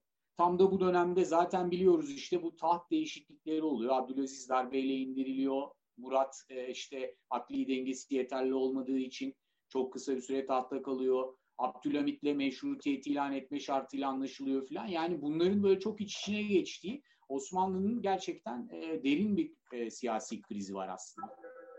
E, sonuç olarak zaten e, işte Abdülhamit'in kendi e, konumunu netleştirerek birazcık daha e, ipleri eline aldığı dönemler olan 1880'lerden itibaren de zaten devletin politikalarında tamamen çok büyük bir değişim ortaya çıkıyor. Bir kere zaten e, Balkanlarda çok kalabalık bir nüfusun kaybedilmesiyle beraber e, sırtını biraz daha İslam İslami nüfusa, Müslüman nüfusa dayayan İslamcı bir devlet yapısı ortaya çıkıyor. E, doğudaki Ermeni e, geleneksel Ermenistan dediğimiz bölgedeki e, durumlar çok daha farklı bir bakış açısıyla e, gözlemlenmeye başlıyor. Bu arada tabii bütün bu tartışmalar içinde oluşan işte e, o işte Balkan savaşları şunlar bunlar Osmanlı-Rus savaşı falan derken çok ciddi bir Müslüman göçü söz konusu. E, on, buradan gelen bir e, Hristiyan e, antipatisi hatta nefreti yer yer söz konusu vesaire. Yani Osmanlı'nın iç dinamiklerinde büyük bir dönüşüm yaşanmaya başlanıyor aslında ve o liberalizmin altın çağı söylediğimiz gibi aslında sona eriyor. Yani bir yandan da bu kriz zaten oluşturduğu mekanizmalarla dünya krizi olarak da baktığımızda işte e, finans kapitalin e, gerçekten çok önemli e, bir atılım yaptığı bir döneme, tekelci kapitalizmin e, kendini dayattığı bir modele, savaş savaşa dayalı bir sanayileşmenin e, ulusların hepsini zengin edecek liberal bir söylemin yerine al, almaya başladığı bir sisteme doğru geçiş var. E, bütün bunlar bir araya geldiğinde zaten e, aslında Dünya Savaşı'na doğru giden sürecin tohumları atılmış olacak. Yani aslında paylaşım savaşları dönemine doğru gidilecek. Şimdi bu kadar ortamın sertleştiği bir dönemde tabii e, iç kamuoyunda da gerçekten çok acımasız hesaplaşmalar dönemine giriyoruz. Şimdi burada e, açıkçası e, başlangıçta daha çok e, e, Osmanlı Devleti'nin doğusunda ve güneydoğusunda e, geleneksel Ermenistan dediğimiz bölgede aslında ilk olarak Ermenilerle özellikle Kürtler arasında yaşanan çatışmalar ve orada Osmanlı Devleti'nin izlediği e, çok farklı bir politika var. Hani bir yandan devlet olarak e, her tebaasını eşit savunuyormuş falan gibi görünüp ama aslında orada Müslümanlar lehine bir iç hukuk işlettiğini görüyoruz. E, bu arada tabii bunlardan çok uzak bir şekilde yaşayan bir İstanbul kamuoyu var. E, İstanbullu Ermeniler içerisinde bunu çok önemseyen ve gündem yapanlar olduğu gibi bunların aslında biraz abartılı şeyler olduğunu savunanlar, e, bu kadar e, bunları çok fazla abartmamanın, çok ön plana çıkarmamak gerektiğini savunanlar da var. E, çok ciddi bir iç göç var Ermenilerin İstanbul'a doğru. Özellikle e, çeşitli e, alt sektörlerde çalışmak amacıyla hamallık vesaire alanları var mesela en çok e, işçi olarak e, şeyde liman işçiliği falan gibi. Yani bu alanlara e, gelenlerden öğrendikleri var İstanbullu entelektüellerin, Ermeni entelektüellerin. Yani e, imparatorluğun doğusunda çok başka bir olaylar olduğunu, katliamlara varan olaylar olduğunu vesaireyi onlar oraları aslında anlatıyorlar ama yani tam bir kamuoyu oluştu da söylemez. Böyle bir dönemde tabii e, aslında söylediğimiz gibi e, Gülle Agop saraya alınmıştır, pasifize edilmiştir. Yerine de Mınakken Efendi geçmiştir. Mınakken Efendi tabii şöyle bir şey aslında. E, Mınakken Efendi e, çok fedakar ve e, sanatçı ruhlu bir insandır. Ve de çok aslında e, insan yetiştirmiştir. Bunlar vardır. Ama bir yandan da tabii e, kendi e, varoluşunu da hani devlete devletle bir denge tutturma üzerinde olduğunu da farkındadır. Zaten o yüzden de e, işte Darül Bedai'nin kuruluşunda dahil yani ona görev verilmişti. Benimsenmiş bir insandır. Mesela biz burada şeyi de görürüz.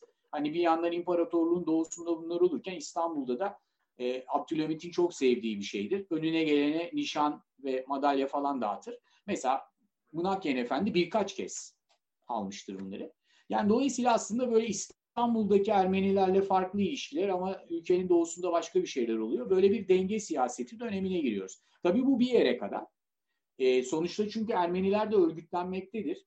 İşte e, iki, iki tane e, önemli partisi vardır. Uçak Taşnak partileri. Bunlar başlangıçta ayrı yollarda yürüyen iki parti gibidir ama milletin kaderi söz konusu olduğunda tabii ki bir kader birliği de olacaktır. E, bu, buradaki söylemlerin hızla radikalleştiğini ve başkentteki bu belki duyarsız ortamın hani orada neler oluyor, siz burada neleri tartışıyorsunuz şeklinde. Özellikle Amiralara, Boğaz abinin söylediği gibi e, yani e, sarayla iş yapan, saraya hizmet veren e, yüksek e, memuriyet ya da e, ticaret sınıfının içinde yükselmiş olan bir grup olarak düşünelim Ermeniler içerisinde. Bu gruba dönük bir nefret söylemi vardır. Bu grubu hedef alan, işbirlikçilikle hedef alan bir söylem vardır bu partilerin söylemlerinde. E, biliyoruz ki işte dönüm noktalarından bir tanesi e, İstanbul'daki e, Osmanlı Bankası'nın baskınıdır mesela. Çünkü burada şöyle bir şey olmuştur. Burası uluslararası bir finans kurumu olduğu için Avrupa e, şeyi de aslında kamuoyu da ilk anda e, bunu yapan militanlara dönük olumsuz bir hava esmiştir orada.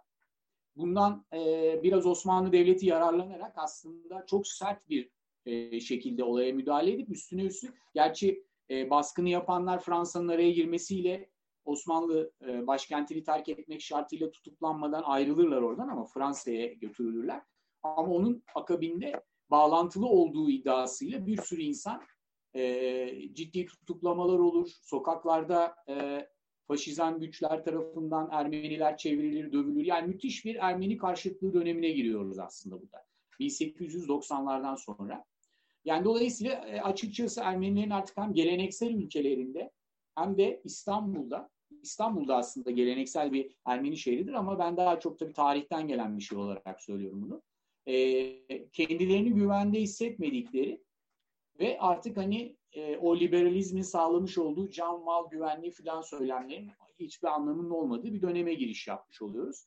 Bu noktada zaten e, terk, terk etmeler başlıyor. Şimdi benim e, yok edilen medeniyet e, e, konferansında yaptığım konuşmada aslında ben biraz bunun üzerine yoğunlaşmıştım. E, Ermeni oyuncuların e, komşu coğrafyalara taşınması meselesi. Mesela işte e, Boğaz abinin bahsettiği Bursa'daki organizasyonun başını çeken ve Haldun Taner'in o güzel oyununda e, muhteşem bir tiradı olan Boğaz abi de onu Tiyatrolar Günü adına VGST için bir e, öyle bir şey hazırladık. Orada okudu bunu sesli olarak. E, dolayısıyla e, aslında mesela Thomas Fasulyecihan Bulgaristan'da ölür mesela. E, az önce bahsettiğimiz e, bizim e, Serope Benglian, ünlü operet sanatçısı Mısır'da Kahire'de beş parasızlık içinde ölür. Mısır İngiliz tabii şeyi egemenliği altında. O oraya gidip e, orada tiyatro yapmaya çalışırlar. Tiflis'te Bedros Atamyan oraya gider. Oradan gerçi sonra Moskova'ya falan doğru yolu uzayacaktır. Ama yani komşu coğrafyalara doğru bir taşınma söz konusu. Bir kısmı da tamamen tiyatroyu bıraktığını görüyoruz. İş güç hayatı, kadın oyuncuların evlenerek sahneden çekildiğini görüyoruz. Yani Ermeni oyuncuların artık Ermenice temsil vermenin mümkün olmadığı ve Ermeni kimliğinin hızla düşmanlaştırıldığı 1878 Berlin Konferansı ve e, akabinde de bu e, şeye kadar süren dönem e, e, Osmanlı Bankası baskınına kadar süren dönem içerisinde e, kimliğin şeytanlaştırıldığı, kötücülleştirildiği bir ortamda artık tiyatro yapmanın da çok bir anlamı olmadığını hissederek yavaş yavaş çekilirler. Tam da bu dönemde zaten 1914'te şey çok açıktır. E, İttihat Terakki'nin zaten baştaki liberal söylemleri 1908'de çünkü Ermenice afişlerle karşılanmıştır bu hareket biliyorsunuz. İkinci Meşrutiyet Hareketi ve çok sayıda da e, Ermeni bunun gerçekleşmesi için bizzat mücadele vermiştir. Yani bunun e, bunların hemen akabindeki Türkçü politikalara doğru gitmeye başlaması, Dünya Savaşı'nın hemen arifesinde zaten Darül Bedai fikrinin yani Müslüman Türklerin oyuncu olarak yetiştirileceği bir okul fikrinin ortaya çıkmasıyla da aslında son nokta buraya konmuş oluyor. Tabii burada yine de şu vardır ama kadın oyuncular içerisinde yine Ermeni oyunculara rastlarız. Çünkü hala çok ciddi bir tartışma vardır Müslüman oyuncuların, Müslüman kadın oyuncuların sahneye çıkması ile ilişkili olarak. O biraz Cumhuriyet'in yaratacağı bir tartışmadır aslında. Yani orada da artık Müslüman kadın oyuncular çıkacak, Ermeni kadın oyuncular da sahneyi terk edecektir. Ama erkek oyuncular için aslında yolun sonunun Darül Bedai e, ile sanıyorum e, Nesim abi yine uyarır burada bizi. E, Eliza Binemeciyan'ın kardeşi Darül Bedai'ye giren tek Ermeni erkekti diye. Doğru ama geri kalanların tamamı Müslüman Türk oyuncular arasından seçiliyor. Muhsin Ertuğrul da dahil. Yani dolayısıyla aslında kendi konservatuvarını kurup Müslüman Türk bir tiyatro ortamı. Üyelerinin de onlar arasından oldu. Sonrasında kadınların da zaten e, sahneyi terk etmesiyle o da Müslüman Türk kadınıyla yer değiştirecek. Yani böyle bir milli tiyatro projesine doğru gidişin yolları açılmış oluyor aslında. Evet. Yani bir soykırımın e, ardından e, yani bir halk katliamının ardından e, aslında bunun pek çok e, sonucu var. Bunlardan birisi e, de maalesef e, hani bir kültür sanat e, oluşumu gibi adımı gibi hamlesi gibi görünen bir de aslında Fırat Bey söyleşi boyunca o benzetmeyi seçti ve çok yerinde kullanıyor. Yani sürekli kafamızda da hepimizin herhalde tınlıyordur. İşte AKP iktidarının Kürt açılımı ve sonrasında yaşananlar işte sanki işte Osmanlı'nın Ermeni açılımı tırnak içinde tabii e, ve sonrasında yaşananlar e, maalesef e, hani sanatımızın köklerini tarihte bulurken e, acılarımızın köklerini de buluyoruz. E, bu biraz e, hakikaten acıklı. E, Darbedai kısmında sözü e, yeniden Boğaz Çalgıcıoğlu'na vermek istiyorum. Aslında belki şeyi de hatırlatmak güzel olabilir Boğaz Bey. Kim var orada oyununu BGST tiyatronun e, benim için çok gerçekten güzel bir referans olmuştu ilk izlediğimden beri. Bir sürü de soru bırakmıştı. Hani aslında hem Muhsin Ertuğrul'un kendi çelişkilerine dair Bahram Papazyan'a dair hocam dostum dediği ve pek çok şeyi öğrendiğini söylediği de ama işte resmi e, söylemlerin e, şeyinden sınırlarından da taşımadığı bir yere geldiği e, bu anlamda gene e, tiyatromuz açısından dar bedai e, gene Ermenilerin sırtının da tiyatromuzun e, taşındığını hatırlayarak e, ne anlama geldi? Onu bir size de sormak istiyorum e, son sözler olarak. Bir de e, gene hemen bu noktada bir e, bizi dinleyenlerden bir katkı var. Onu da hemen paylaşayım. Boğuz Bey'e sözü bırakayım. Onlarca oyunda Ermeni oyuncularla sahneyi paylaşmış olan Ahmet Fehim anılarında Ankara'daki Ermenilere dair gözlemlerini memleketin efendisi biz Müslümanlar ve Yavuz hırsız Ermeniler şeklinde şu şekilde ifade ediyor. Ankara çöl ortasında kalmış bir şehir. Katolik Ermenilerin e, oturdukları bir beldeydi. Müslümanlar azdı. Bunlar da kuytu, izbe gibi yerlerde kümese benzer evlerde adeta tünemişlerdi. Zaten memleketin efendisi olan bizler daima Yavuz hırsızın hışmına uğramış ev sahiplerine döneriz. Nasıl bir söylemsel dönüşüm e, demiş. Konuşmacılara da çok teşekkür etmiş. Aslında bu dildeki dönüşüm e, siyasal ve pek çok anlamdaki dönüşümünde zaten ifadesi herhalde. E, Şehnaz Şişmanoğlu'na da teşekkür ediyoruz bu hatırlatma için. E, doğru. Ben de e, çalışmamı yaparken Ahmet Fehim üzerine e, bu bu bölüm benim de çok ilgimi çekmişti. Yani o zaten çok parçalı ve gazetede yayınlanmış bir metindir ve sonrasında Metin Ant onun içerisinde tabii hani e, bellek şaşıyor. E, Birçok farklı hata da bulmuştur. Ama şey beni de aslında derinden etkilemişti. Yani bütün hayatı Ermeni oyuncularla bir arada, e, açlıkta da toplukta da bir arada geçmiş bir e, emektar, oldukça da emektar ve değerli bir tiyatro adamının sonra anılarını yazarken o milliyetçi ortamın etkisiyle e, bu bu tür ifadeler kullanması hatta bazı oyuncuları ve kumpanya yönetmenlerini anlatırken e, çok e, onları karikatürize etmesi falan hani e, aslında biraz e, şeydir yani acıdır. Ama şunu da unutmayalım o dönemde bazı Ermeni sanatçılar da birbirini anlatırken yani tiyatrocu dünyasının da acımasız bir kültürü bu maalesef. Yani onlar da birbirlerini gerçekten son derece rencide edici şekilde anlattıkları e, bazı kaynaklar vardır. Ama tabii burada özel bir hassasiyetle bakıyoruz doğal olarak. Çünkü çok az sayıdaki Müslüman oyuncudan birisidir o dönemlerde yetişmiş. E, buna rağmen hani e, şey e, yıllar sonra böyle hatırlıyor olması tabii e, bizim kafamızdaki imgeleri parçalıyor. Aslında hatırlamak değil de aktarıyor, aktar böyle aktarmayı seçiyor olması belki de. E, Boğuz Bey'le devam edelim. Bu arada son kez hemen şey yapıyorum. E, tiyatrocu Berfin Zenderlioğlu ben de teşekkür ediyorum konuşmacılara. Acaba o dönemin haklarından biri olan Kürtlerle Ermeniler arasında bir tiyatro ilişkisi var mıdır diye merak etmiş. Boğuz Bey belki buna da e, cevap vererek sizinle devam edebiliriz. Evet. Önce Ahmet Fehim'in e, söyledikleri yani o kitaptan alınan, o kitap bende de var. E, söyleyecek bir söz yok. Evet, e, bu şeyden sonra, Türkleştirme hareketinden sonra evet tiyatrocuların birbirlerinin arkasından söyledikleri çok laf vardır ama hiçbir zaman e, bu milliyetçilikle ilgili laflar değildir tabii ki. İşte e, kıskanmayla tamamen sahne hayatında başarıların kıskanılmasıyla ilgili e, yapılan e, güzellemelerdir diyelim. E, mesela Ahmet Fehim şu anda kitabı da hemen buldum. Mesela e, şöyle bir yer daha var. Eskiden beri kalplerine çöreklenmiş çekememezlik yeniden baş kaldırmıştı diyor.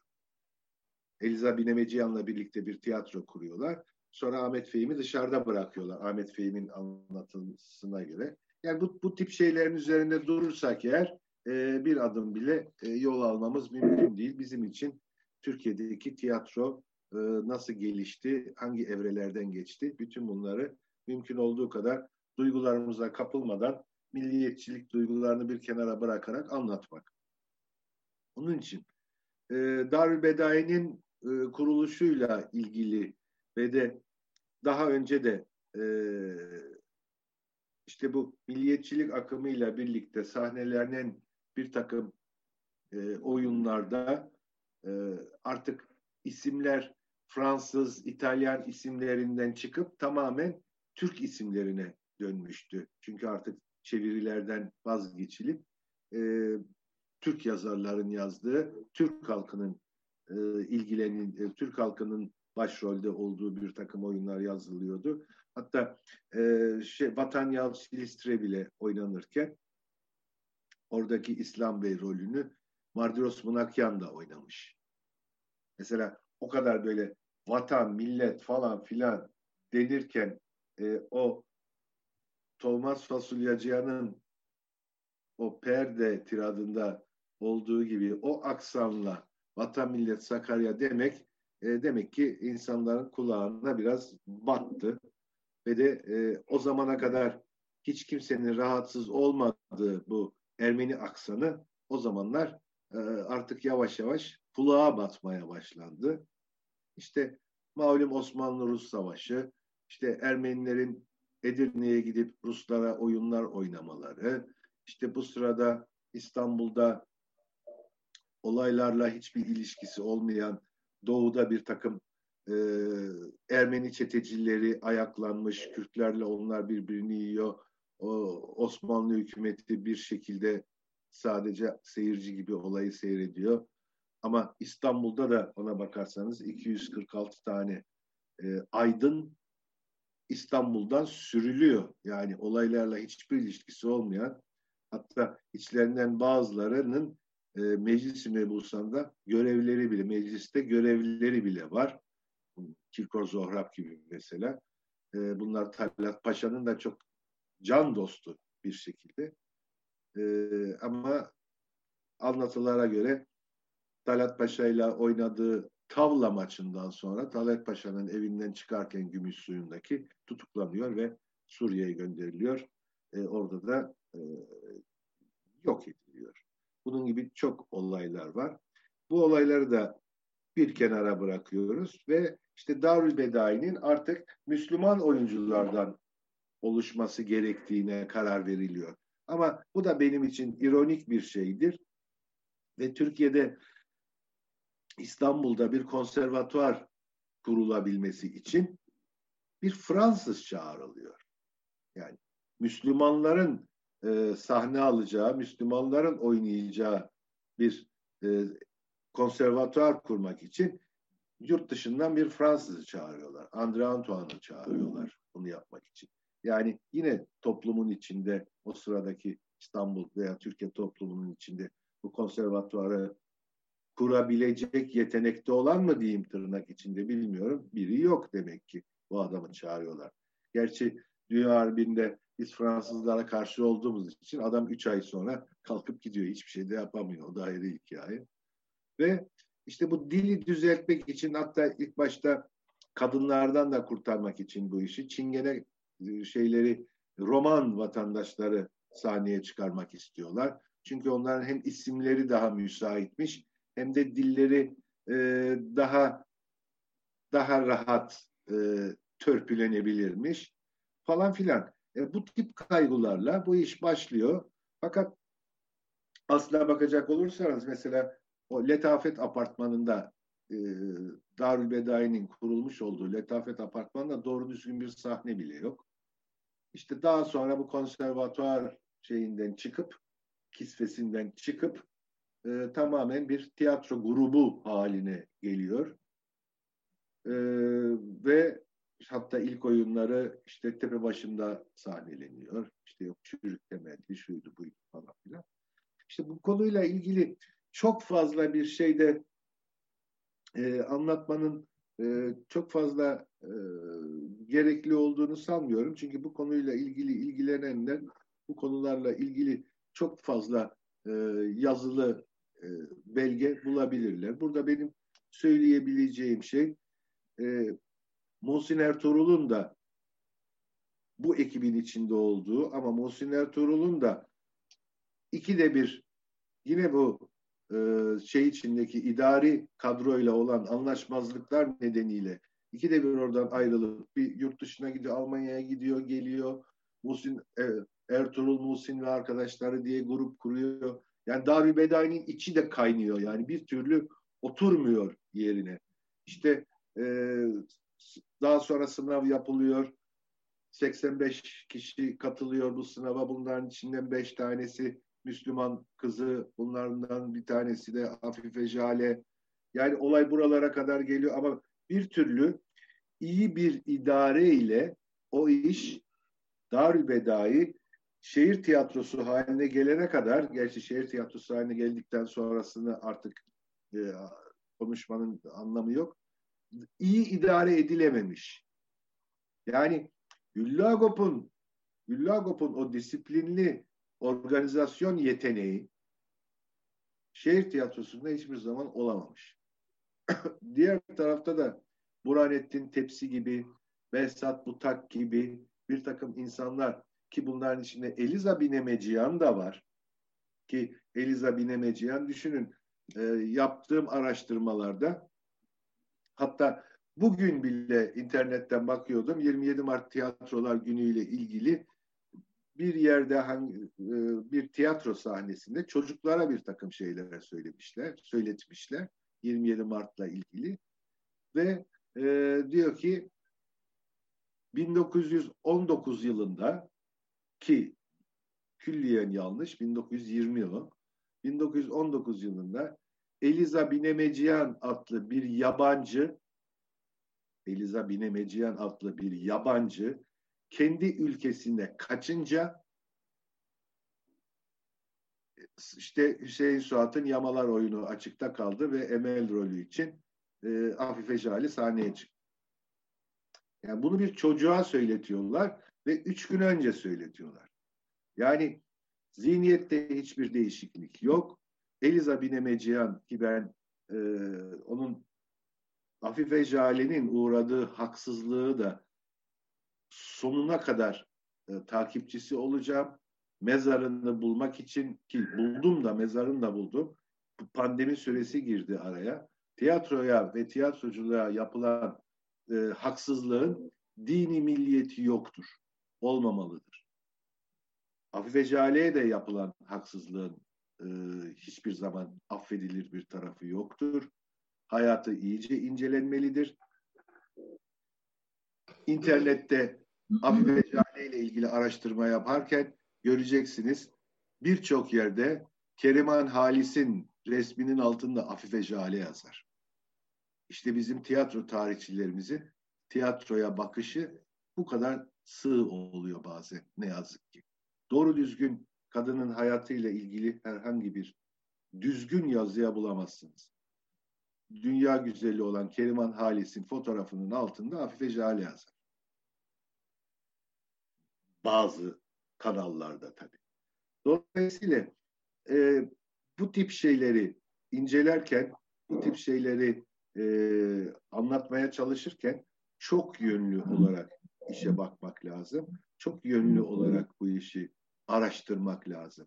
Tek bir şeyle, e, tek bir kanaldan işe bakarsanız hiçbir zaman doğru sonuca varamazsınız. Burada önemli olan Türkiye'deki tiyatronun kalkınması. Türkiye'deki tiyatronun tabii şu andaki pandemi sürecini bir kenara bırakıyorum. Türkiye'deki tiyatronun daha ileri seviyelere gelmesi. Biz Türkiye'deki tiyatrocular olarak Laurence Olivier'den daha mı az yetenekliyiz yani? Biz Avrupa'da Avrupa'da oyun yapan Avrupa'daki tiyatro sanatçılarından daha mı az yetenekli Türkiye'deki tiyatro sanatçıları? Ama Türkiye'deki tüm tiyatro sanatçıları bu yeteneklerinin yanı sıra tarihleriyle de ilgilenmeliler. Nereden geldiklerini de bilmeliler. Yani sadece dilini, aksanını düzelteceğiz diye e, Ermenileri Darül Bedai'nin dışına sürmek. Ha diyeceksiniz ki Eliza Binemeciyan, Kınar Sıvacıyan, bütün bunlar e, hatta yönetimdeydiler de. Yönetimdeydiler de. Eğitmen olarak oradalardı. Ama Kınar Sıvacıyan'ın da ki şu anda artık vaktimiz yok anlatamayız. Kınar Sıvacıyan'ın da nasıl öldüğü bellidir.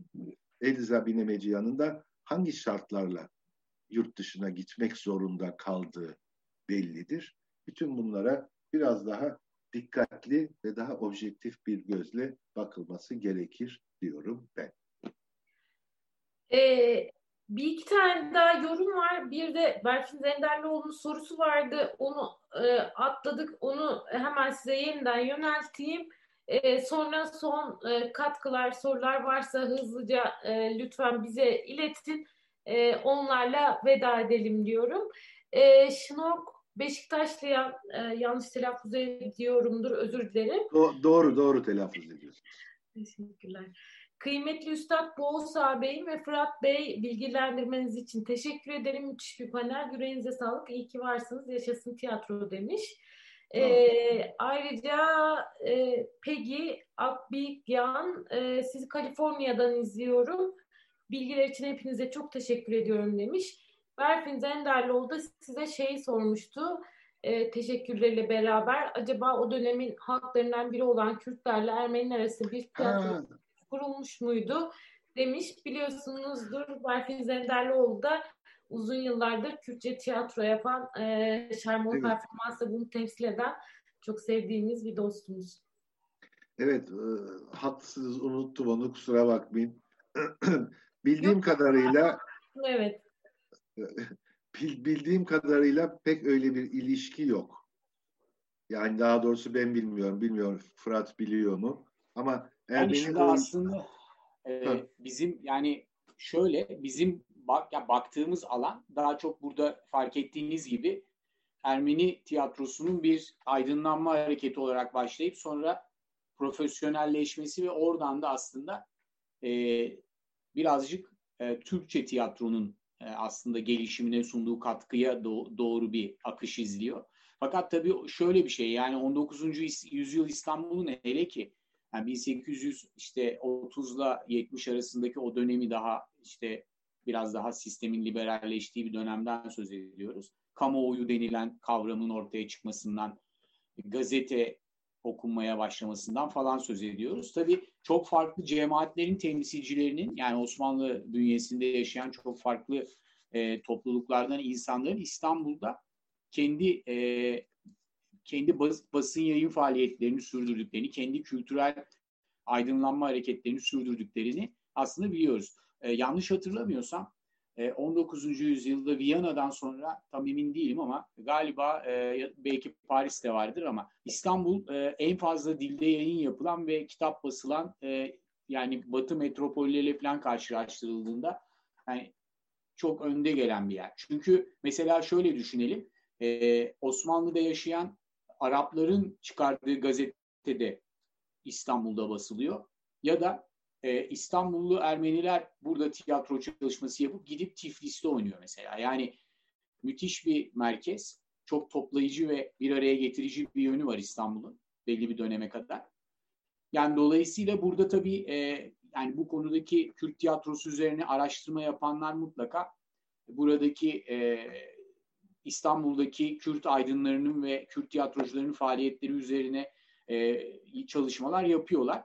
Ama bizim e, bu bahsettiğimiz kesişim içerisinde profesyonel alan olduğu için o alanda daha çok belki e, Müslüman oyuncuların bu kumpanyalara katılması bağlamında daha çok bizim gündemimize giriyor bunlar. Ama şunu da kabul edelim hani etkileşim ne kadar vardı?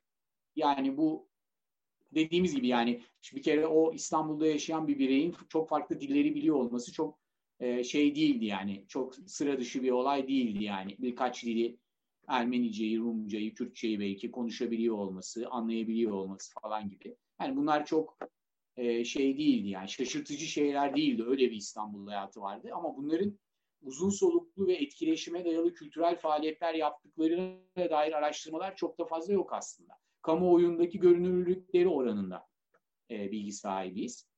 O noktada da daha çok Ermeniler ön plana çıkıyor ve ona katılan e, nadir az sayıdaki Müslüman oyuncu. Onlar da Müslüman oyuncular oldukları için belki çoğunlukla da etnik e, kökenleri de çok fazla e, gündeme getirilmiyor. Zaten e, o toplulukların içinde azınlıkta kalan bir grup. Ama o anlamda aslında ilginç bir konu yani bence. Yani bahsedilen konu. E, araştırılsa enteresan şeyler çıkacağını düşünüyorum. Evet. Biz tabii o sıralarda şunları görüyoruz bir yandan da. E dediğim gibi Osmanlı Devleti'nin yaratmış olduğu bir düşmanlık politikasıyla e, aslında doğuda e, Ermenilerle Kürtlerin aynı coğrafyayı paylaşmaktan gelen bir e, anlaşmazlıkların olduğunu görüyoruz. Mesela bunun sembollerinden bir tanesi böyle bir şeye rastlamıştık. Agop Baronya'nın ünlü oyunu Bağdasar Apar'da mesela şeydir. E, e, oyun hamallarla başlar. E, şeyde e, limanda. Liman. Mesela orada biz şeyi görürüz aslında.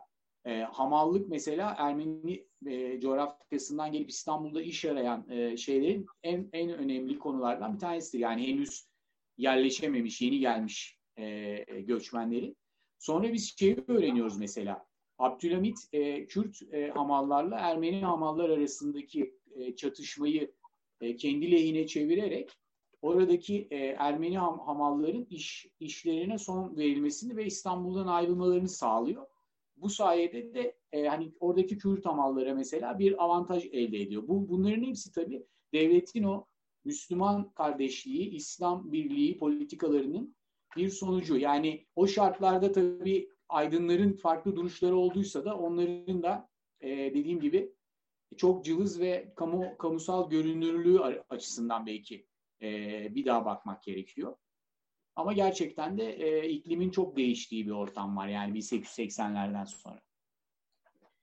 E, ben e, hemen son olarak bir e, şimdi Ersin Umutgüller'i de burada görünce o da bizi izlemiş. E, Gomidas oyununu da hatırlatmak isterim. Bu tarihe dair e, daha fazla fikir edinmek ve bir oyunda e, bunu bu hikayelerden bir kesit izlemek e, çok değerli müzikolog Gomidas'ın e, hikayesini Ahmet Sami Özbudak ve Ersin Mutgüler Yolcu Tiyatro e, da yani o Yolcu Tiyatro topluluğuyla sergiliyorlar.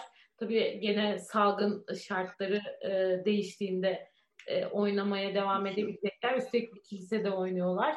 E, hakikaten o da çok önemli bir çalışma diye düşünüyorum. E, yani son katkılar varsa hızla bize yazın yoksa kapatalım. Hakikaten bizi bu saate kadar sabırla dinleyen ve katkıda da bulunan e, herkese de çok teşekkür ediyorum ama en çok e, tabii ki Boğaz Çalgıcıoğlu ve Fırat Bilge'ye teşekkür ediyorum. E, bir kere benim hani çok uzun zamandır üzerine daha fazla fikir sahibi olmam gerektiğini ve öğrenmek istediğim e, bir konuydu bu.